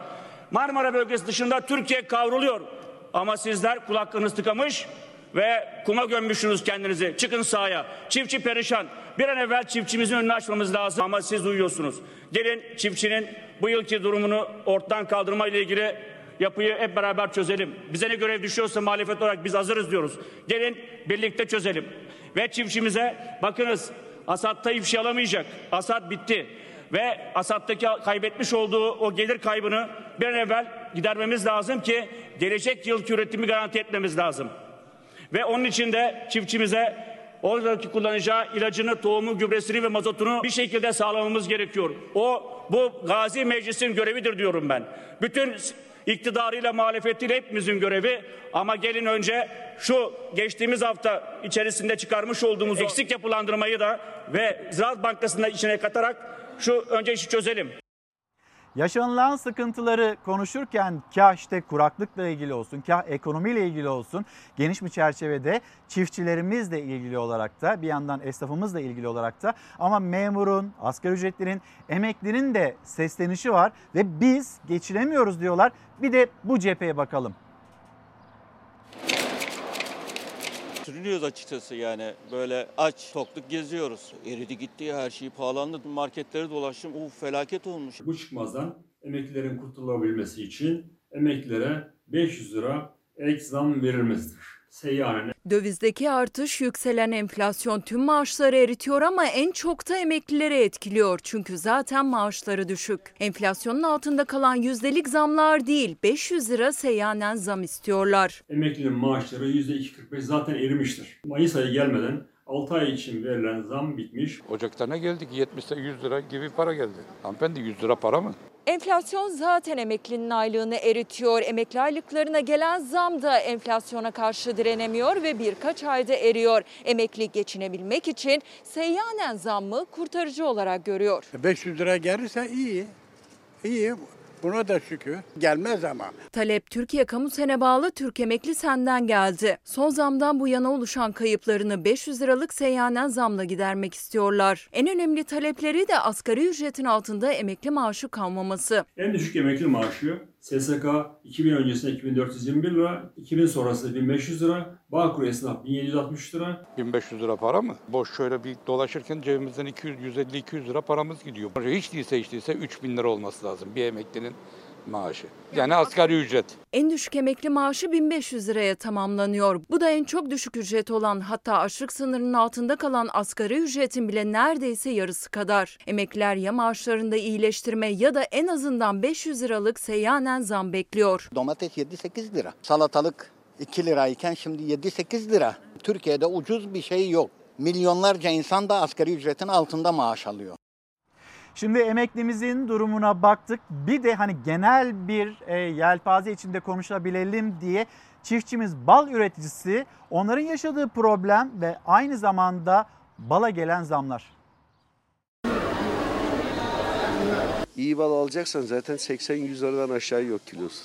Orta halli. Ya da alacaksan bir kilo alacağına 250 gram alıp onu alacaksın yiyeceksin. Son 10 yılın e, en kötü senesini yaşıyoruz. Özellikle toz taşınımı, samyeli dediğimiz güneyden zamansız esen rüzgarlar bu sektörde ciddi rekolte düşüşüne sebep oldu. Bizler bu sene için çok umutlu değiliz. Fiyatlar şu bir sene için özellikle çok fazlasıyla arttı. Bal fiyatları zaten cep yakıyor ama daha da pahalanacak. Çünkü hem kuraklık hem de toz vurdu üreticiyi. Son 10 yılın en kötü sezonunu geçiriyorlar. Bal üretiminin %50 düşmesini bekliyorlar. Son yılların en kötü sezonu yaşıyor gibiyiz. Hem iklim değişikliği hem kuraklık ortalama ve %40-50 oranında bir verim düşüklüğü bekliyoruz. Geçen yıla göre %50'nin e, üstünde bu bölgede bir rekolte düşüşlüğü söz konusu. Market reyonunda aynı gramajdaki ballar arasında onlarca lira fark olabiliyor. 460 gramlık bir kavanozun ortalama fiyatı ise 38 lira. Ama üretici bal üretiminin azlığından şikayetçi. Fiyatlar yakında daha da artabilir. Bakıyorum e, uygun e, kaliteli bal bulamıyoruz. Açıkçası hep yanımızın çektiği için almak zorunda kalıyoruz. Fiyatlar her şey olduğu gibi yüksek. Önceden net olarak yarım kilo, bir kilo alabiliyorduk. Şimdi artık fiyat sabit tutuyorlar, gram düşüyor. Üretimdeki düşüş henüz etikete yansımadı ama bu hali bile pahalı. Kilosu 80 liranın üzerinde balın. Marka değiştikçe fiyat da değişiyor. 100 liranın üzerine çıkıyor. Bal almıyorum abi. Fiyatlar çok pahalı. Ucuz bala da güvenemiyorsun. Onu yiyeceğine diyorsun pekmez yiyeyim bari. Dörtte biri fiyatı yani. Elazığlı bal üreticileri kuraklık ve toz taşınımı nedeniyle zorda. Üretimdeki düşüşse doğrudan etiketleri etkiliyor. Üretici bakanlıktan destek alamazsa sezonu zararla kapatmaktan korkuyor. Tarım Bakanlığı'nın kovan başına vermiş olduğu yıllık kovan başına 15 TL bir destek var. Bu süreci atlatabilmesi için bu desteğin daha arttırılması gerekiyor. Benim mesajım altında konuşurken bu başlıkla ilgili sizlerden de mesajlar beklerken Arzu Hanım Deniz abiye, Deniz Zeyre'ye bir mesaj gönderdi. Şimdi hemen bakalım. hem Arzu Hanım'ın gündemi, aynı zamanda memleketin gündemi, kuraklığı konuşurken biz ne durumdayız? Şimdi gelen fotoğraf bu şekilde. Arzu Hanım belli ki e, gitmiş alışverişe salatalık, domates, biber bir market alışverişi için gitmiş ve sonrasında işte bakıyorsunuz salatalık alınmış Deniz abi. Menşei neresi? Üretim yeri China yazıyor. Ve diyor ki Evet. Arzu Hanım yani biz salatalığı da artık böyle Çin'den alıyorsak ne diyelim ne Ya konuşalım. gerçekten ama şey yani burada hani garip bir durum ya. Bu, bu Antalya orada duruyor. Yani o kadar verimli topraklarımız var. İthalata teşvik çok yüksek yani. Türkiye'de onu ona masraf etmeyelim, buna masraf etmeyelim, ithal edelim, ucuz edelim e, gibi bir yaklaşım var. O da bütün üretimi bitiriyor işte. Yani bak bal meselesi. Ya bizim memleket itibariyle bu bal meselesini ben iyi bilirim yani yakından bilirim. Ee, yani ko- kovanı e, olan bir aileden gelirim yani. E, ama öyle bir hale getirdiler ki geçen sene yazın Kars'ta şunu gördüm. E, şekerli su varillerini koymuşlar. Böyle damla sulama şeklinde borularla kovanların önünden geçirmişler. Orada böyle her kovanın önünde bir kap şekerli su geliyor oradan. Arı çıkıyor. Gidip çiçek falan dolaşmasına gerek kalmadan oradan şekerli suyu alıyor. Yani normalde 5 ton üretebileceğin bir yerde 40 ton 50 ton e, bal üretiyorsun. Sonra biz de onu tüketiyoruz. Evet sonra biz de yani tüketicilere bu bal konusunda şunu söyleyebilirim. Sakın ucuz bal öyle 20 liraya 30 liraya satılan balları almasınlar. Bal gerçekten pahalı bir iştir. Yani iyi bal e, yani kokusundan işte analizlerinden vesaire çok rahatlıkla anlaşılır. E, çok kötü niyetli var mesela. Yani Çin'den bile getirip satıyorlar biliyor musun? Yani o kadar o kadar suistimal ediliyor ki dolayısıyla da ben çiftçiye de üzülüyorum. Yani toprağımız Deniz abi sen çiftçiyle ilgili konuşurken ben e, bülten sorumlumuz Özdur'dan bir rica edeyim. Özdur dün yayınlamıştık bir e, baba evladının cep telefonunu almış ve bir siyasetçiyle karşılaşması. Onu bir daha bir çekebilir miyiz? Deniz abi belki kaçırdıysa ya da izlemeyen izleyicilerimiz varsa hani sokakta yaşanılan ne, mutfakta yaşanılan yangın hangi seviyede? Onun bir e, hazırlığını yaparsak onu da paylaşalım lütfen Deniz abiyle. Buyur abi özür Evet. dilerim. Yani netice itibariyle benim en çok aldığım mesaj biliyor musun? Köylerden falan. Ee, yani gübre çok pahalı, mazot çok pahalı. Ya şimdi ÖTV düzenlemesi nedeniyle benzin ve mazot fiyatları sıçradı. Gübre fiyatları almış başını gidiyor. Yani e, bir tek emekleri var yani ücretsiz olan kendi emekleri.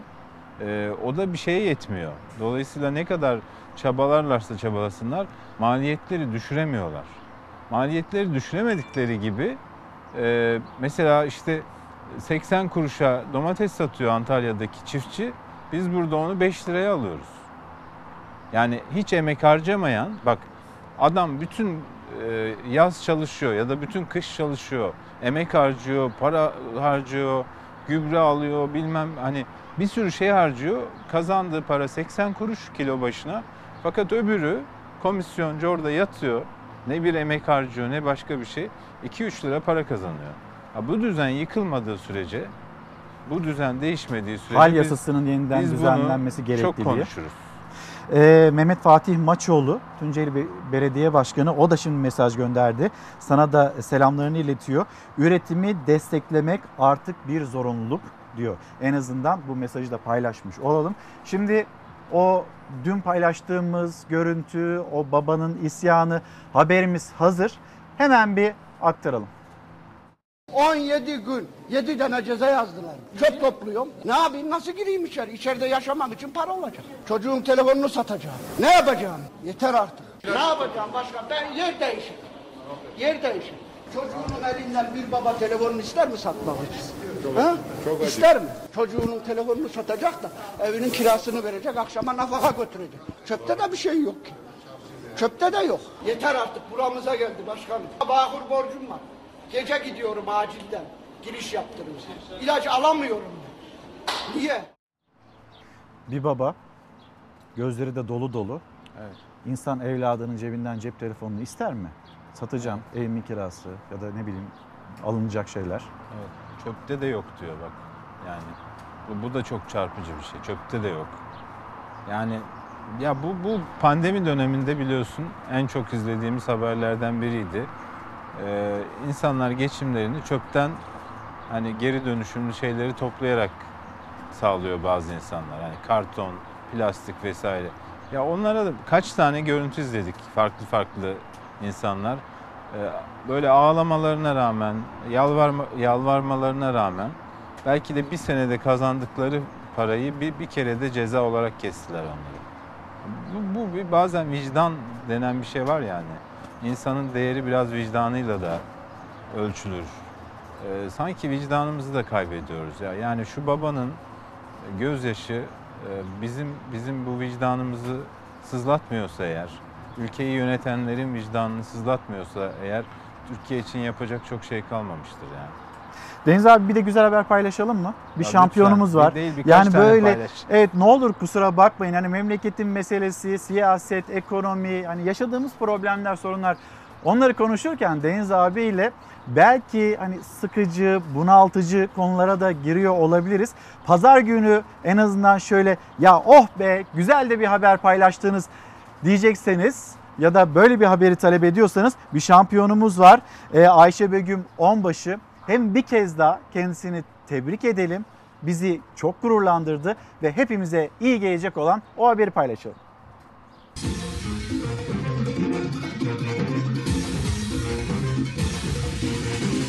from 2016.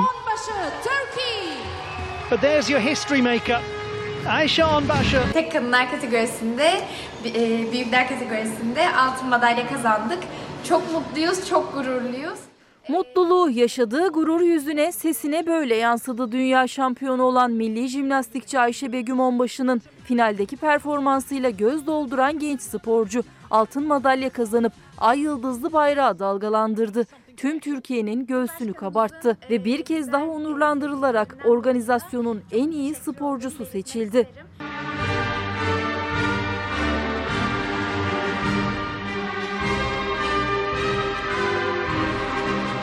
Aerobik jimnastik dünya şampiyonasına Azerbaycan'ın başkenti Bakü ev sahipliği yaptı. Şampiyonada yer alan Türk sporculardan biri de 19 yaşındaki Ayşe Begüm Onbaşı'ydı.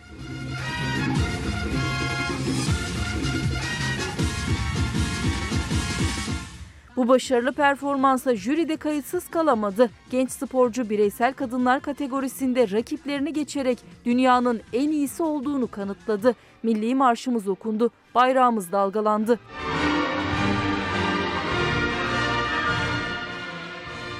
Tebrik ederim. Bulunduğumuz ortamda Azeri kardeşlerimizin bize olan destekleri bizi ekstradan da mutlu etti.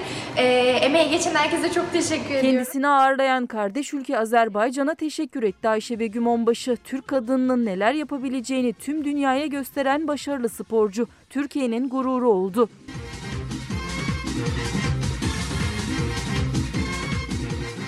Türkiye sporda başarıdan başarıya koşuyor. Edirne Olimpik Yüzme Havuzu'nda devam eden seçmelerde 8 yüzücü Tokyo Olimpiyatlarına katılmaya hak kazandı. Olimpiyat A barajı beklentimiz var. Planlamasını yapıyoruz. Takımlarımız şu anda olimpiyatlara hazırlık aşamasında. Deniz abi bu başarıyı soracağım ama e, Türkiye'de basketbol engeller takımının ilk kurucularından biri Bülent Ülkü. Fox Haber'den Kemal Aktaş'a ulaştı ve kendisiyle paylaştığı mesaj banka borcunu, kredi borcunu ödeyemeyen engelli yurttaşların otomobillerine haciz geliyor, icra takibi yapılıyor şeklinde. Ne dersin abi şimdi? Ya işte hakikaten bak izlerken mutlu oldum yani. Mutluluk hormonu salgıladı yani vücudum. Hissettim çünkü. Böyle göğsüm kabardı falan. Ayşe Begüm'ü kutluyorum buradan. Ama şunu gösteriyor. Bir şeyi uğraşırsan yapabiliyorsun. Bir dönem halterde hatırlarsan o alana şey yaparken bir sürü şampiyon çıktı. Son dönemde dikkat ediyor musun? Jimnastikte çok ciddi e, Ve ödül- çok erken yaşta Evet. herkes çocuğunu Evet. jimnastiğe Evet, götürüyor. ödüller Bütün almaya sporların başladı. temeli çünkü. Demek ki oluyormuş. Hep şunu soruyorum ben. Almanya'da 3 milyon e, Türk yaşıyor. Uğur Şahin çıkabiliyor, işte eşi çıkabiliyor. Biz 80 milyondan hala böyle bir şey çıkaramadık. Demek ki mesele bizim sistemimizde. Yani demek ki istesek çıkarabiliyoruz. E, tebrik ediyorum. hem Ayşe Begüm'ü hem de onun yetişmesinde emeği olan federasyondaki sporcuları e, gurur duyduk valla. Deniz abi çok teşekkür ederim. Çok sağ ol. Önümüzdeki hafta devam ederiz. Evet. Bir aksilik olmazsa, mani keder olmazsa. Bu arada İçişleri Bakanlığı genelgesi bekledik ama Olmadı. gelmedi. Ama 1 Haziran diye şey olduğu için salı gününe yani. Ama yarın- yine de hani bir esnafın beklentisi var ya ne kadar açılacağız, tam kapasiteyle açılacak mıyız, açılmayacak mıyız? ama hani Belki bir- söylerler bir mi diye Haziran- bekledim ben 1 açıkçası. Haziran'da geçileceği için yarın açıklanır. Şimdi biz devam edeceğiz. Deniz abiyi, Deniz Zeyre'yi uğurlayacağım ama döndüğümüzde reklamların ardından bir çevre meselesi. Marmara Denizi ölüyor. Birinci konumuz, öncelikli konularımızdan bir tanesi bu. Aynı zamanda bir kuraklık meselesi yaşıyoruz. Barajlarımızdaki durum ne? Bizim tarlalarımızda durum ne? İşte siyasetçiler onlar Türkiye'nin dört bir yanına dağıldılar ve memleketten, çiftçiden haber getiriyorlar. Meclis kürsüne taşıyorlar. Bunu uzman konuğumuzla konuşacağız. Bir mola verelim, dönüşte buluşalım. Bir ömür gitti Akıp yolu bulunca Okyanusta bir damla Sokuldu. Sadık yarın koynuna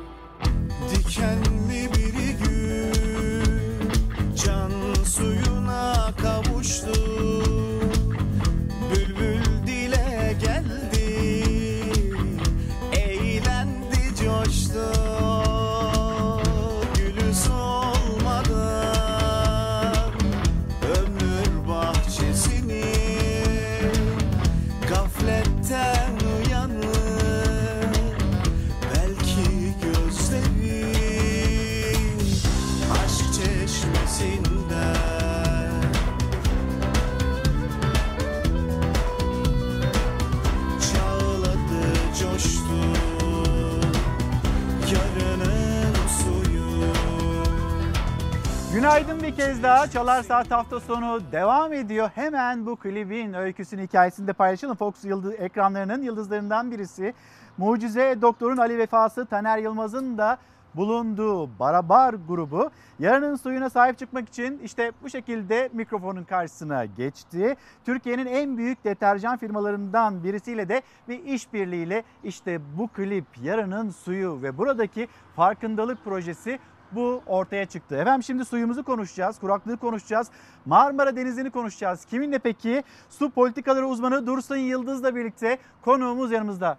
Hocam günaydın. Ne güzel Hoş bir müzikle geldiniz. başladınız. Hoş bulduk. Çok sağ olun. Yani orada hani sanatçılar, bir farkındalık çok önemli bir konu. Ve önümüzdeki günlerde ciddi problemlerle karşı karşıya kalacağız. Biz burada o yayını gerçekleştirdik.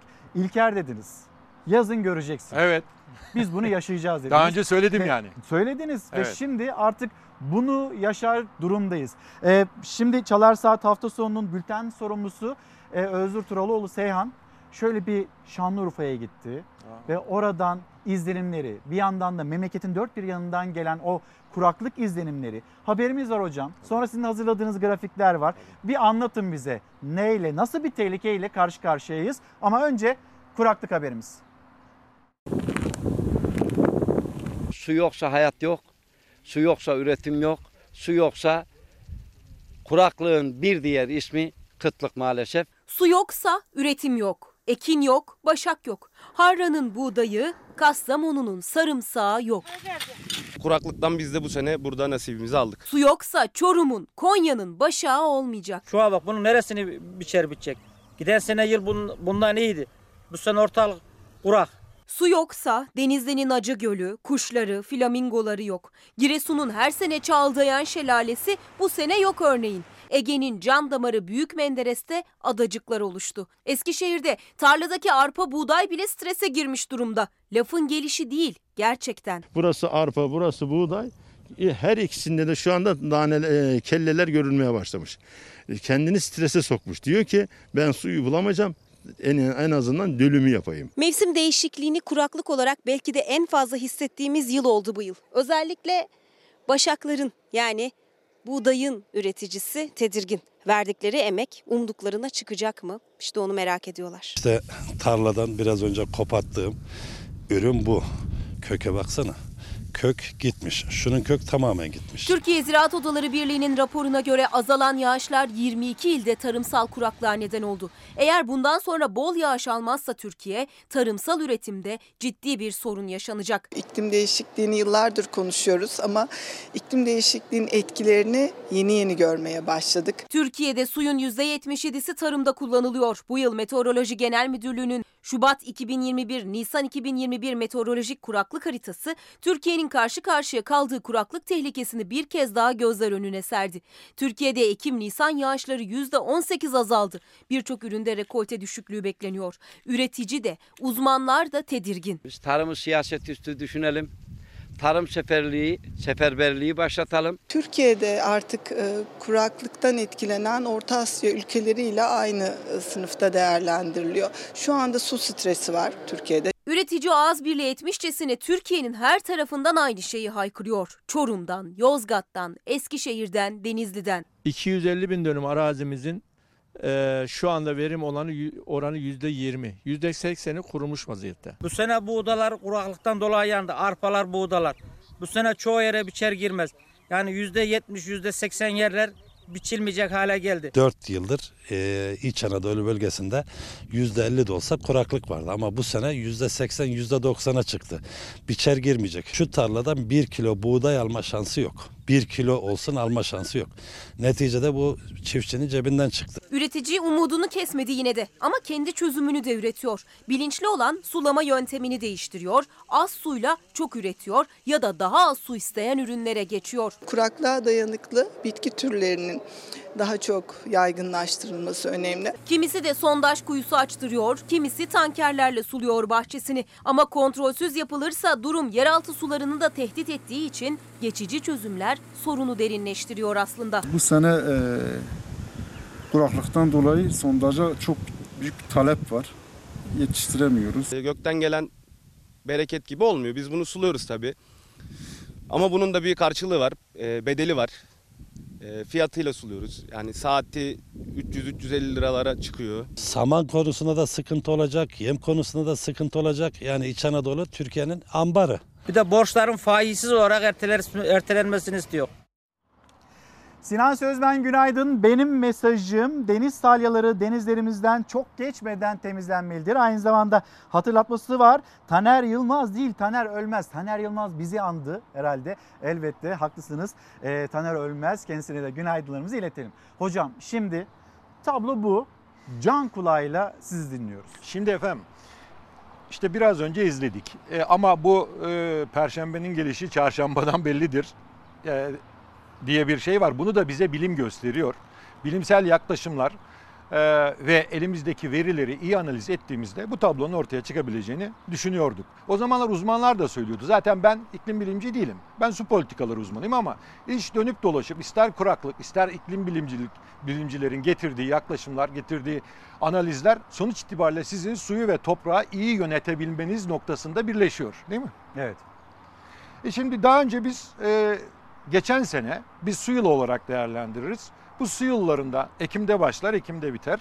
E, geçen su yılında yarı kurak bir dönem yaşadık. Bölgesel kuraklıklar yaşadığımız bir su yılı oldu. Bu hidrolojik kuraklığa döndü ve daha sonra Ekim ayından sonra beklediğimiz sonbahar yağışları gelmedi.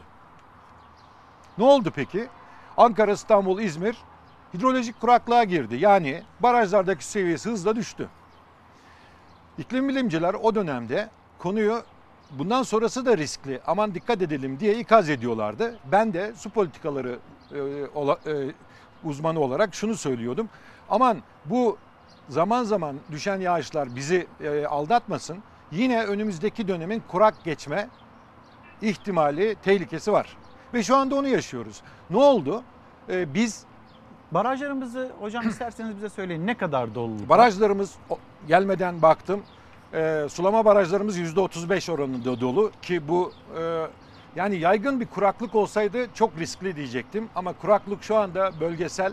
O bölgesellikten kaynaklanan tamamen büyük bir risk haritası önümüzde diyemiyorum ama sıkıntılı bir dönem bizi bekliyor onu söylüyorum. Biraz olsun yüreğimize su serpiliyor o zaman Evet, bu ya- verilerle. Çünkü e, MGM verilerini eğer inceleyecek olursanız Türkiye e, 80 yılda 8 kez e, yaygın kurak periyotlar yaşamış.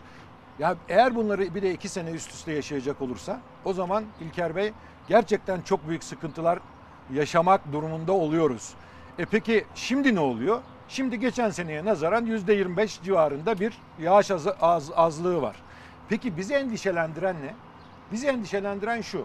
Şimdi Türkiye zaten mevsimsel olarak bu e, yağışlarda değişikliği çok fazla Dalgalı seyrediyor. Fazla olan bir ülke. Artık bunu biliyoruz. Ama hani e, yine iklim bilimcilerin ağzından söylüyorum. Yani bunlar gerek iklimlerdeki değişiklikler, gerek yağışlardaki düzensizlikler, mevsimsel kaymalar nedeniyle ne oldu? Daha da arttı. Daha sık mesela siz beni e, belki davet etmeyecektiniz böyle bir şey olmasaydı. İnşallah bundan sonra hiç davet etmezsiniz. Yok hocam şimdi hani o mesele bitse Ama başka suyla ilgili başka Var bir mesele tabii karşımıza çok doğru. çıkıyor. Bakın niye biliyor musunuz? Kuraklık bizi niye tedirgin ediyor? Kuraklık çok sinsi bir afet. Yani birçok alanla bağlantısı var. E bu nedenle de to- çok büyük e, bir yaygınlık gösteri- gösterince birçok sektörü etkiliyor. Bunun için de alınması gereken önlemler sadece tarımda değil. Yani sadece tarımsal kuraklık yönetimiyle bunların içinden çıkamıyorsunuz. Aynı zamanda hidrolojik kuraklığı ve meteorolojik kuraklığı da dikkate alarak bütüncül, bütünsel bir önlem paketi içerisinde bakmanız lazım. O da kolay olmuyor. E siz de bunun sürekli çağrısını yapıyorsunuz. Bu arada sulamadaki hani baraj doluluk oranını söyledik ama mesela büyük şehirlerimizde memleketin geneli itibariyle orada durum ne? Şu anda oradaki durumu veriyorum. Ankara, İstanbul, İzmir bu dönem e, miktar olarak e, susuzluk riski yaşamayacak. Ama kalite olarak Ankara ve İstanbul'un risk yaşama ihtimali var. Ne demek istiyorum? Su kalitesinde e, bazı bozulmalar olabilir. Umarım olmaz. Onun için su yönetiminin bu dönemde çağrıları var biliyorsunuz. ASKİ'de, İSKİ'de, İSSU'da suyumuzu daha dikkatli kullanalım diye çağrılar yapıyorlar. E barajlar doluysa bu çağrıları niye yapıyorlar? Mutlaka onlar da bir tehlike görüyorlar. O zaman buna karşı da e, vatandaşlarımızın biraz dikkatli olması gerekiyor. Ba- e, bu içme suyu barajlarımız yüzde 40 civarında dolu. Türkiye genelinden bahsediyorum. Biz Hidroenerji, suyumuzu- hidroenerji üretimimiz düşebilir. Öyle mi? Evet. Çünkü Bir enerji kaybı demek bu. yani hidroenerji üretiminde azalma gerçekleşir. E, bu da tabii e, doğalgaza bir miktar daha e, yüklenmemizi getirebilir. Çünkü e, bundan sonrası için yağış beklemiyoruz İlker Bey. Yani uzmanların söyledikleri. Yine ben onlardan e, onlarla konuşarak geldim buraya. Mesela Profesör Doktor Murat Türkeş Türkiye'nin saygın e, iklim bilimcilerindendir. Onunla konuştum. Bundan sonrası için ne düşünüyorsunuz hocam dedim. Aynen şöyle söyledi. Yani mevcut durum e, bölgesel bir kuraklık, ciddi bir kuraklığı gösteriyor. Bundan sonrası için de yaz aylarında beklenen yağışların daha altında yağışlar. Bu bölgesel kuraklığın bize mesela tarlalarımıza, mahsule nasıl bir etkisi olacak? Bir pahalılık mesela. Bakın 5 milyon ton civarında e, buğday ihracı gündeme gelecek. Rekolte düşüyor. Beni endişelendirenden devam edeyim tekrar. Lütfen. Biz sadece şeyde değiliz. E, yani Türkiye'de 16 milyon hektar civarında bir arazide nadasa bırakılmış e, kuru tarım yapılıyor. Ne ekiliyor buralarda? Buğday, arpa, yulaf, korunga, mercimek e, bunlar ekiliyor. Şimdi bunlarda özellikle e, kuru tarım yapılan arazilerde biraz önce ekranda da izledik problemler var. Yani çiftçimiz çok kötü durumda, zor durumda. E şimdi onlarda üretim kaybı yaşanacak. Zaten bunun için mutlaka önlemler alınıyordur. Ama onun dışında beni endişelendiren yine bizim e, sulu tarım yaptığımız arazilerde de geçen seneden beri İlker Bey problem var. Neresi? Büyük Menderes. Büyük Menderes havzası. Haritalarımız da hazır. Aslında isterseniz Tabii. haritalarımızı da gösterelim. Yönetmenimizden rica edelim. İkinci haritamızı paylaşalım. Ve bu e, haritalarla aslında hocam anlatabilirsek bizi bekleyen tehlikeyi neyle karşı karşıya kalabileceğimizi o da e, çok daha faydalı olacaktır. Evet hocam. Şimdi bakın Büyük Menderes Havzası'nda bunlar Türkiye'nin havza e, havzaları. E, bu havzalara göre yönetim yapmak durumundayız. Su yönetiminin en büyük eksik, eksiklerinden bir tanesi havzada havzalar ölçeğinde toprağı ve suyu yönetebilme e, idari altyapısını kuramadık. Bir sürü çalışma yaptık. 2010'dan bu yana bir sürü plan Çok hazırladık. mu zor hocam? Yani işte bir e, bir bir takım eşikler var. Bu eşiklerden bir tanesi de Türkiye'nin idari yönetimine hala karar verememiş olması. Anladım. Yani Bir irade ortaya konulacak yani. Şu anda bütün bu gelişmeler o iradeyi hızlandıracak diye umut ediyorum. Çünkü e, konu tartışılıyor mecliste. E, mecliste bir kuraklık ve e, suyun verimli kullanılması araştırma komisyonu var. O komisyon e, çalışmalarını kısa zamanda tamamlayacak, açıklayacak raporunu. O rapor bakalım bize neler söyleyecek ama bilmediğimiz bir şeyi söyleyeceğini düşünmüyorum. Bütün bunlar daha önceden e, yazıldı, çizildi. Aynı zamanda şu anda bir de su şurası devam ediyor. Bundan önce de çok şuralar yaptık. Su, orman şurası, işte yine e, tarım şurası. Bütün bu şuralarda alınan kararları şu anda uygulama zamanı. Ama çok da fazla beklemeden işte bunun altyapısını hazırlamamız gerekiyor. Demin gösterdiğimiz haritadaki e, havzalar ölçeğinde. Büyük Menderes Havzası'nda bizim Devlet Su İşleri Genel Müdürlüğümüz 3 tane barajımızın e, doluluk oranından endişe etti. Dedi ki adı güzel e, Çin'e e, barajları e, doluluk açısından beni rahatsız etti. O nedenle bu sene için, bu seneye biraz e, düşük doluluk oranlarıyla giriyoruz. E, on- bu nedenle de ben kısıntılı sulama öneriyorum dedi ve şu anda 200 bin hektarlık bir sulama e, alanı vardır o bölgenin. Orada kısıntılı sulama var. Yani geçen e, dönem verdikleri suyu çiftçiler onun yarısını vermek zorundalar. Bu da ne yapacak tekrar? E, bir- Birçok ihracat ürünümüz var biliyorsunuz orada. Evet. O ihracat ürünlerinde rekolte kaybı da gerçekleşecek demektir. Ee, yani bütün bunlar bölgesel olarak bize önce çiftçimizin üretimindeki kayıp olarak yansıyor. Ondan sonra tabii ki e, pazarı etkileyecek bazı hareketlilikler de yaşatabilir. Hocam şimdi Marmara Denizi'ne bir dönelim mi? Siz de kaygıyla tabii. takip ediyorsunuz ne olduğunu, ne bittiğini. Şimdi bununla ilgili gazete pencerede Marmara'da görülen cesedin çürümesi. Bu haberi okuyacağım ama öncesinde bizim hazırlığımız var. O haberi aktaralım. Sonra gazete pencerede dikkat çekilen konu nedir onu paylaşalım. Hocamızdan da görüş isteyelim.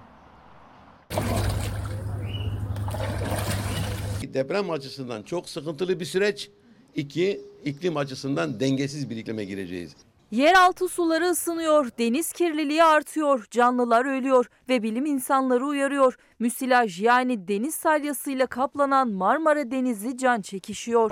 Bizim büyük bir kaybımız var salya yüzünden. Ağ kullanamıyoruz, balıkçılık yapamıyoruz. Deniz salyaları inşallah balık ölümlerine daha fazla yol açmaz. Neredeyse tüm bitkiler ve bazı mikroorganizmalar tarafından üretilen kalın yapışkan bir madde. Marmara Denizi'nin hemen her yanını kaplayan bu müsilaj. Aslında Çanakkale Boğazı ve Marmara Denizi'nde 1994 yılından bu yana yoğun olarak görülüyor. Özellikle yaza girilen havanın ısındığı aylarda denizin yüzeyi salyayla kaplanıyor. Tıpkı son 3 ayda olduğu gibi. Peki sudaki bu istenmeyen görüntüye neden olan deniz canlılarını öldüren, avlanmayı durduran bu görüntüye ne neden oluyor? Geçen yıl 22 Haziran'da Akdeniz'in taban su ısısı 16.7 dereceden 26 dereceyi geçmişti. Bunun anlamı ya bu su ısınması nedeni mağmanın yükselmesi demek. Nedenlerden sadece biri su sıcaklığının artması, denizlerin insan eliyle kirletilmesi, sanayi ve fabrika atıkları da deniz salyasını ortaya çıkaran diğer nedenler arasında.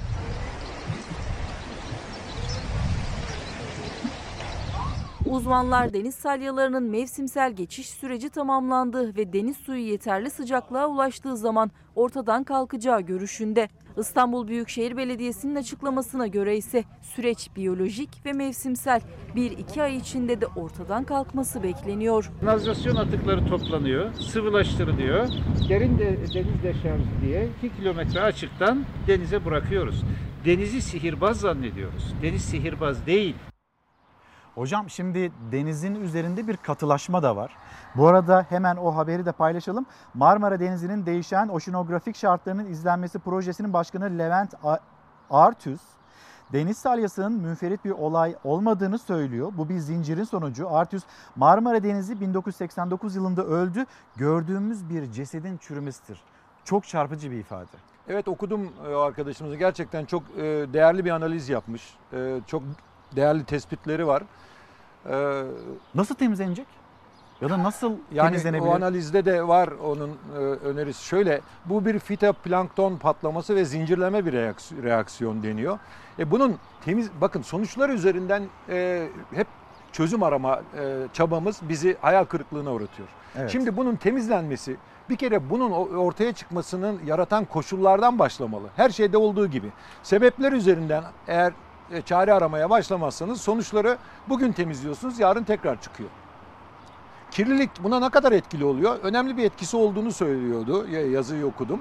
E bu, bu anlamda bizim yapabileceğimiz o bölgede Marmara Denizi uzun zamandır kirli biliyorsunuz. Yani biz kulağımızın üstüne mi yatmışız hep bugüne kadar? E, yani- 89'dan bugüne Ya kadar. birçok- Atığı almışız, Marmara Denizi'nin akıntısını bırakmışız. Aksın gitsin demişiz öyle mi? Yani benim konuştuğum yine uzmanlar, e, e, Profesör Doktor Meriç Albay e, İstanbul e, Üniversitesi'nden. Onlar da Marmara Denizi'ndeki kirliliğin had safhada olduğunu ve bu anlamda e, önemli e, tedbirlere ihtiyacı olduğunu söyleyip duruyorlar.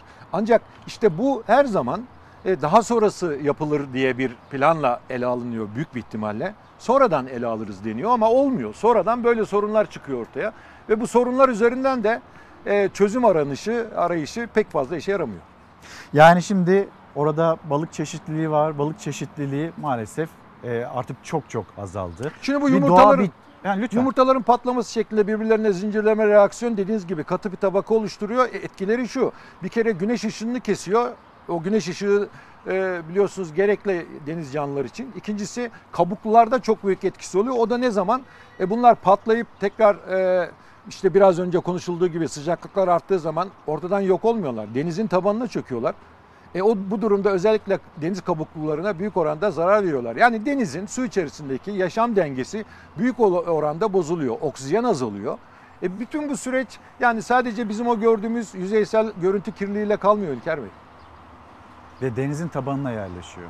Evet çev- yani bir ortadan çevre kalkmıyor. katliamı E, aslında. yani tabii dış basında da yer aldı ama bu sadece Türkiye'de görülmüyor tabii. Yani yabancı ülkeler, diğer ülkelerde de bunun görüldüğü e, birçok yerde yazılıyor, çiziliyor. Ve Ama- yine bir seferberliğe ihtiyacımız var. kesinlikle sebepler üzerinden e, sorunları çözmeye çalışmaya ihtiyacımız var. Yani bence bir paradigma değişikliğine ihtiyacımız var. Şimdi sizle konuştuğumuz yani bu önlemler anında ortaya çıktığı zaman alınabilecek önlemler değil. Kuraklıkta şimdi ne yapabilirsiniz? Sadece çiftçimize yardım edebilirsiniz. Bunlar da geçici önlemlerdir. Ama kuraklığı gerçekten yönetebilmek istiyorsanız bir su politikalarıyla koordine yöneteceksiniz. İkincisi kuraklık yönetimi kuraklık öncesini, kuraklık sırasını ve kuraklık sonrasını kapsayacak şekilde bütüncül olacak. Üçüncüsü de bütün bu süreçlerde sizin e, kuraklığı birlikte yönetebileceğiniz altyapılar yani e, sulama birlikleri, sulama kooperatifleri bunların hepsinin sizle birlikte çalışmaya aday ve hazır olması gerekiyor İlker Bey. Yani bu bütüncül bir olay. E, sorunlar hep bütünleşiyor, bütünselleşiyor ve çözümü de bu anlamda ağırlaşıyor. O nedenle bugün yarına ertelemek bizi çok daha zora sokuyor önümüzdeki günlerde. Yaz ayları uzmanların değişine göre bu yazdan bahsediyorum daha az yağışlı geçecek. Bu nedenle Murat Hoca'nın e, dün konuşmasında not aldığım e, yaklaşımını okuyorum. Var olan kuraklıklar yaz kuraklıklarıyla birleşerek kuraklığın daha da şiddetlenmesi ve yaygınlaşması beklenmelidir diyor. Eyvah. Yani e, eğer bu öngörümüz gerçekleşirse son yılların birçoğunda olduğu gibi 2021 sonbaharına daha şiddetlenmiş, uza, uzamış kuraklık koşulları altında girebiliriz. Ben bunu şöyle alıyorum su politikaları e, açısından. Biz nasıl mecburen korneli yürüteceğiz yani bu e, kuraklık politikalarını su politikalarıyla. Buradan da bir yandan çağrı yapıyorsunuz. Evet elbette. çağrı yapıyorum. Şu anda e, uzmanların açıkladığı bu e, bu açık yaptığı bu açıklamalar bize önümüzdeki dönemin de çok aydınlık olmadığını gösteriyor. E bu durumda bizim vatandaş olarak yapacaklarımız su yönetiminin de idari olarak yapacakları var. Ama önce bir anlayışta birleşelim istiyorum. Biz geçmişte olduğu gibi su kullanım ve su yönetim alışkanlıklarıyla bu riskleri atlatamayız. Paradigmayı yani düşünce biçimimizi, su kullanım alışkanlıklarımızı ve su yönetim alışkanlıklarımızı mutlaka gözden geçirmemiz gerekiyor, değiştirmemiz gerekiyor. Çok zor bir şey değil. Teknoloji hızla ilerledi, elimize birçok olanak veriyor. Bunu yapabilmek için sadece üzerinde biraz daha düşünmek lazım. Yani hazır düşünce kalıplarının biraz dışına çıkmamız gerekiyor. Hocam çok teşekkür ederim. Sağ olun. Kırmadınız bizi geldiğiniz Çalar Saat hafta sonunda.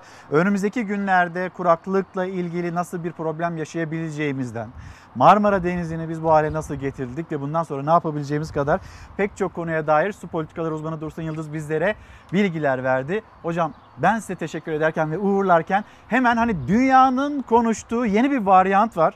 İngiliz ve Hindistan karışımı yeni bir varyant ve 1 Haziran, 1 Haziran'la ilgili de Türkiye'deki hareketlilik o haberi paylaşayım. Dünya İngiliz ve Hindistan varyantının karışımından oluşan yeni bir koronavirüs çeşidinin endişesini yaşarken Türkiye'de kontrollü normalleşmenin son günü heyecanı yaşanıyor. Esnaf bayrama hazırlanır gibi 1 Haziran'ı bekliyor. Gözler, kulaklar Bakanlar Kurulu'nda ve alınacak yeni kararlarda. Hazırlık normalleşme için mi? Evet aynen normalleşme için. Bilim Kurulu üyesi Profesör Doktor Mustafa Necmi İlhan'a göre maske zorunluluğu kalkabilir. TRT Haber'de konuşan İlhan, işletmelerin yeniden faaliyete geçebileceğine inandığını da söyledi. Açık alanlarda da yine mesafeye dikkat etme koşulu söz konusu olacak. Ama kapalı alanlarda belki kapasitede bir parça kısıtlamaya gidilebilir. Bunun yanı sıra özellikle park gibi, yürüyüş yeri gibi arada 2 metre olan yerlerde vatandaşlarımız belki maske takmadan günlük aktiviteleri sürdürebilirler. Ama hala hazırda kapalı yerlerde, örneğin toplu taşımada, örneğin iş yerlerinde diyelim ki 30 metrekare bir ofis 5-6 kişi. Burada ise e, yine maske takmak gerekecek. Uzun bir aranın ardından kafe, restoran ve lokantaların açılması bekleniyor. Ama hangi şartlarda olacağı henüz belli değil. Kısıtlamalar sözde kaldırılacak ama bize yansıyan bir şey yok. Enfeksiyon hastalıkları ve klinik mikrobiyoloji uzmanı doçent doktor Ümit Savaşçı ise dünyada şu anda toplam 1,8 milyar doz aşı yapıldığını belirterek hesaplamalara göre tüm dünyanın bağışıklık kazanma süresi 2022 Mart ayı gibi görülüyor dedi. Uzmanlar tehlike bitmedi uyarısı yaparken Güneydoğu Asya ülkesi Vietnam'da İngiliz ve Hindistan varyantının karışımından oluşan yeni bir koronavirüs çeşidi tespit edildi. Tespit edilen varyant daha bulaşıcı. Yapılan laboratuvar testlerinde virüsün çok hızlı bir şekilde çoğaldığı tespit edildi. Efendim süremiz de daralırken haberlerimizi hızlı hızlı ekranlarınıza taşıyalım. Korkusuz gazetesinde de var. E, TESK Başkanı Bendevi Palandöken'in e, gençler için, genç çiftler için bir çağrısı. Gençlere faizsiz evlilik kredisi verilsin. Şimdi böyle bir çağrı diğer tarafıyla da mobilyaya gelen zamlar onun haberi. Bir sene bekletmiş adam. Düğün e, e, ertelememiş olsa ben onu teslim etmiş olacaktım. Müşteri zarar etmeyecekti. Keşke dolar kurundan önce evlenseydik. Üçte bir maliyete bitirebiliyorduk. Salgın nedeniyle evlilik planını erteleyenler fiyatlar karşısında şaşkın. Çünkü mobilyaların üzerindeki etiketler sürekli değişiyor, fiyatları her geçen gün daha da artıyor. Özellikle düğün sezonunda en çok satılan yatak odası ve oturma odası takımlarında fiyatlar geçen yıla göre en az %60 daha pahalı. Hatta bazı ürünlerde geçen yılın iki katına çıktı. Ürünler aşırı derecede pahalandı. Yani ham madde bulamıyor imalatçılar o yüzden zam yapıyor tabii ki bu bulamadığı için ham maddeyi. Ham madde niye bulunamıyor? Yani e, adamlar ya stok yapıyorlar, vermiyorlar. İş piyasanın ihtiyacı karşılanmadan yurt dışına vermek bence büyük bir tehlikedir. Bugün 160 liralık bir medefe 400 lira 450 lira civarında alıcı buluyor. Ankara Mobilyacılar Odası Başkanı Hüseyin Taklacı'ya göre pahalılığın sebebi MDF ismi verilen mobilya yapımında kullanılan ahşap. MDF üreticileri artan döviz kurunu fırsata çevirip daha fazla kar için iç piyasaya değil yurt dışına satıyor. Onlar kazanırken yerli mobilya üreticisi MDF bulmakta zorlanıyor. Fiyatı artıyor, tüketiciye yansıyor. Bu ürün komple medefe bir ürün. Biz bu ürünü geçen sene yatak bazı içinde 3300 liraya satıyorduk. Ama şu an o fiyatları biz alamıyoruz. Şu an kaça Şu an, satıyorsunuz? e, yatak bazı dahil 5-5,5 milyar. İstanbul'da en uygun fiyata mobilyanın bulunabildiği bir çarşı burası. Burada bile fiyatlar geçtiğimiz yıla göre neredeyse iki katına çıktı. Bu çarşıda normalde kalabalıktan geçilmez olurdu ama artık müşteri yok. Esnaf boş bekliyor. Yine bizim kar amacımız belli. Atıyorum o zaman da 300 lira kazanıyorsak şimdi 300 lira kazanıyoruz. Geçen sene diyelim ki günde 3-4 takım satarken şimdi bir takıma düştü. Biz buraya geldiğimizde üzerinde 1950 lira yazan bu takıma da MDF gelen zam nedeniyle bir kez daha zam yapıldı ve fiyatı tek kalemde 2200 liraya çıktı. Yatak odası takımı, oturma odası takımı hepsi uçmuş fiyatları. iki katını falan çıkmış yani şu an. Tüketici artan fiyatlardan esnaf satamamaktan mağdur. Mobilya üreticileri önce iç piyasanın ihtiyacının karşılanabilmesi için yetkililerden bir adım bekliyor. Şu anda %200'lere varan zamlar olmuş durumda. Devlet yetkilerimize, fabrikalarımıza sesleniyoruz. Bu işi çözün. Özcan Bozkurt bizi ve Türkiye'nin gündemini takibe alan izleyicilerimizden günaydın. Sezgin Güngör Rize'den yazıyor. Diyor ki çay hasatında üreticiler özel sektör çay fabrikalarına çay vermek zorunda kalıyor. Çay fiyatları devletin belirlediği fiyatın yarısı kadar buna yetkililerin ses çıkartmaması gerekliliği mesajını paylaşıyor. Benim mesajım başlığı altında. Sizin gündeminizde ne varsa onları da bize iletin. Kalan vaktimiz elimizden geldiğince görmeye ve paylaşmaya gayret edelim. Hemen dünyadan bir iki haber paylaşalım. İlk durağımız Endonezya olsun. Endonezya'da korku ve panik. Feribotta yangın çıktı. Korkuya kapılan yolcular canını kurtarmak için denize atladı.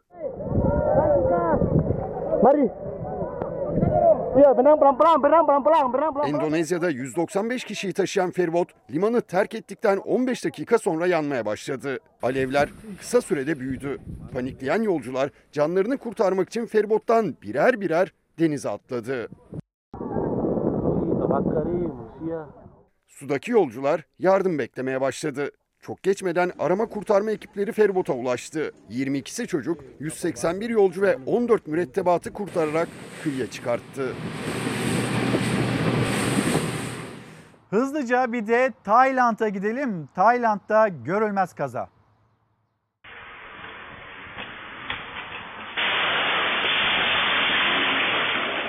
Kamyondan fırlayan lastik yol kenarında tamirhanede oturan adama çarptı. Talihsiz kazanın adresi Tayland. Tamirhanede çalışan adam sandalyede oturmuş, cep telefonuyla ilgileniyordu. Bu sırada yoldan geçen bir kamyonun lastiği fırladı. Hızla yuvarlanan lastik tamirhaneye girdi, sandalyedeki adama çarptı.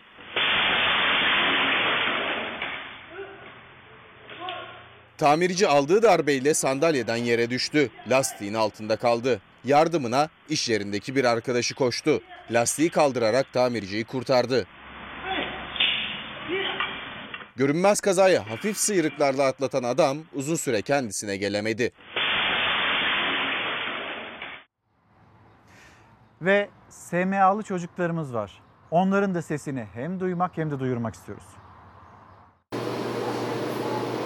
Bu testi yaptırmamın nedeni e, sosyal medyada gördüğüm sürekli yardım paralarının toplanmaya çalışılması ve e, çok acılı bir süreç geçiyor. Öyle bir taşıyıcı durumumuz varsa kontrollü bir doğum olması açısından. Çok güzel bir aslında destek bu yeni evlenen çiftlere. Bunu en azından hani olmadan önceden bilmek ve tedbir almak bence çok önemli. Ankara Büyükşehir Belediyesi önce olduğu evlilik öncesi ücretsiz SMA testine bir ayda 430 çift başvurdu. Aslında Sağlık Bakanı Fahrettin Koca 3 Ocak'ta gen taramasının tüm Türkiye'de başlayacağının sözünü verdi vermişti ama şimdilik sadece başkentte belediye aracılığıyla uygulanıyor. Bundan sonra tüm evlilik öncesinde aile adaylarına gen taraması da yaparak tedbir alınacak ve ülkemizde SMA hastalığı görülmeyene, mevcut hastalarımız tedavi edilene kadar mücadelemiz devam edecektir. Hastalığı henüz evlenmeden tespit edip çaresine aranması için Başkent Üniversitesi ile bir işbirliği yaptık. O kritik protokolün ardından çalışmalar gecikmeden başladı Ankara'da. Artık isteyen çiftlere evlenmeden önce gen taraması yapılıyor. SMA hastalığını taşıyıp taşımadıklarına bakılıyor. Şimdiye kadar 500'e yakın çifte uygulandı. 2.4 milyon dolardan bahsediliyor bir çocuğun tedavisi için. Bunlardan kurtulabilmenin yolu bu testten geçiyor. Bu testi uyguladıktan sonra tanı değeri yaklaşık olarak %95. Eğer böyle bir taşıyıcılığımız varsa e, en baştan bunu bilelim ki e, buna göre önlemimizi alalım e, diye bu testi yaptırmak istedik açıkçası. 2020 Ağustos aylarında sanıyorum ki bir 40-50 civarında SMA hastası çocuktan ve onların kampanyalarından bahsederken şu anda yüzün üzerinde kampanya olduğunu görüyoruz. SMA hastalığını önlemek için yapılması gereken en birincil adım e, tarama testleri. SMA hastalığı son yıllarda daha çok duyulur oldu. Az sayıda çocuktan bahsediliyordu. Artık çok daha fazlası biliniyor. Her yıl Sare Uluçay gibi SMA'lı bebeklere yenileri ekleniyor. Eşimle ikimiz taşıyıcı çıktık maalesef. Öğrendik ki evlilik öncesinde tanıma testleriyle önlenebilir bir hastalıkmış. Türkiye'deki tedavinin 7. dozunu aldık. Ama sürekli e, kriterlere takılıp bir sene ilaç alamadık ve hastalığımız ilerledi. Yurt dışındaki gen tedavisi bize bir umut ışığı oldu. Lütfen bizim sesimizi duyun. Her şey Ebrar için. Ebrar daha rahat nefes alabilsin diye. Makinelerden kurtulabilsin diye. İnşallah en kısa zamanda da Ebrar da e, diğer çocuklar gibi sağlığına kavuşacak. Çok sayıda aile yurt dışında 2 milyon 100 bin euroya mal olan gen tedavisi SGK kapsamına alınsın istiyor. Kas Hastalıkları Derneği'ne göre Ankara Büyükşehir Belediyesi'nin öncülük ettiği uygulama tüm Türkiye'ye yayılmalı. Temennimiz bu taramaların e, gerek evlilik öncesi taramaların gerek yeni doğan bebek taramalarının genişletilmesi ve tüm Türkiye kapsamında ivedilikle devreye alınmasıdır. Nabi abi günaydın. Benim mesajım kuraklıktan dolayı çiftçi ürününü yeteri kadar üretemezse ithalat olur. O da ürünlere zam demek. Matematik bu kadar basit aslında. Efendim şimdi bir mola zamanı. Günaydın bir kez daha. Çalar Saat hafta sonuna nokta koyma vakti geldi kitaplarımızla. Yavuz Selvi, Kör Noktalarımız bizimle paylaşılan kitap. Mehmet Ruşen Gültekin, Ak Yargı. Talan, Sami Demirkıran'ın yazdığı ve bizimle paylaşmış olduğu kitap. Dünden bugüne Fevzi okumuş, hayat hikayesini, yeni ve özel şiirlerini işte bu kitapta buluşturmuş. Efendim kapatırken her zamanki gibi teşekkürümüz sizlere. Bizi izlediğiniz için çok teşekkür ederiz. Hoşçakalın, güzel bir gün olsun.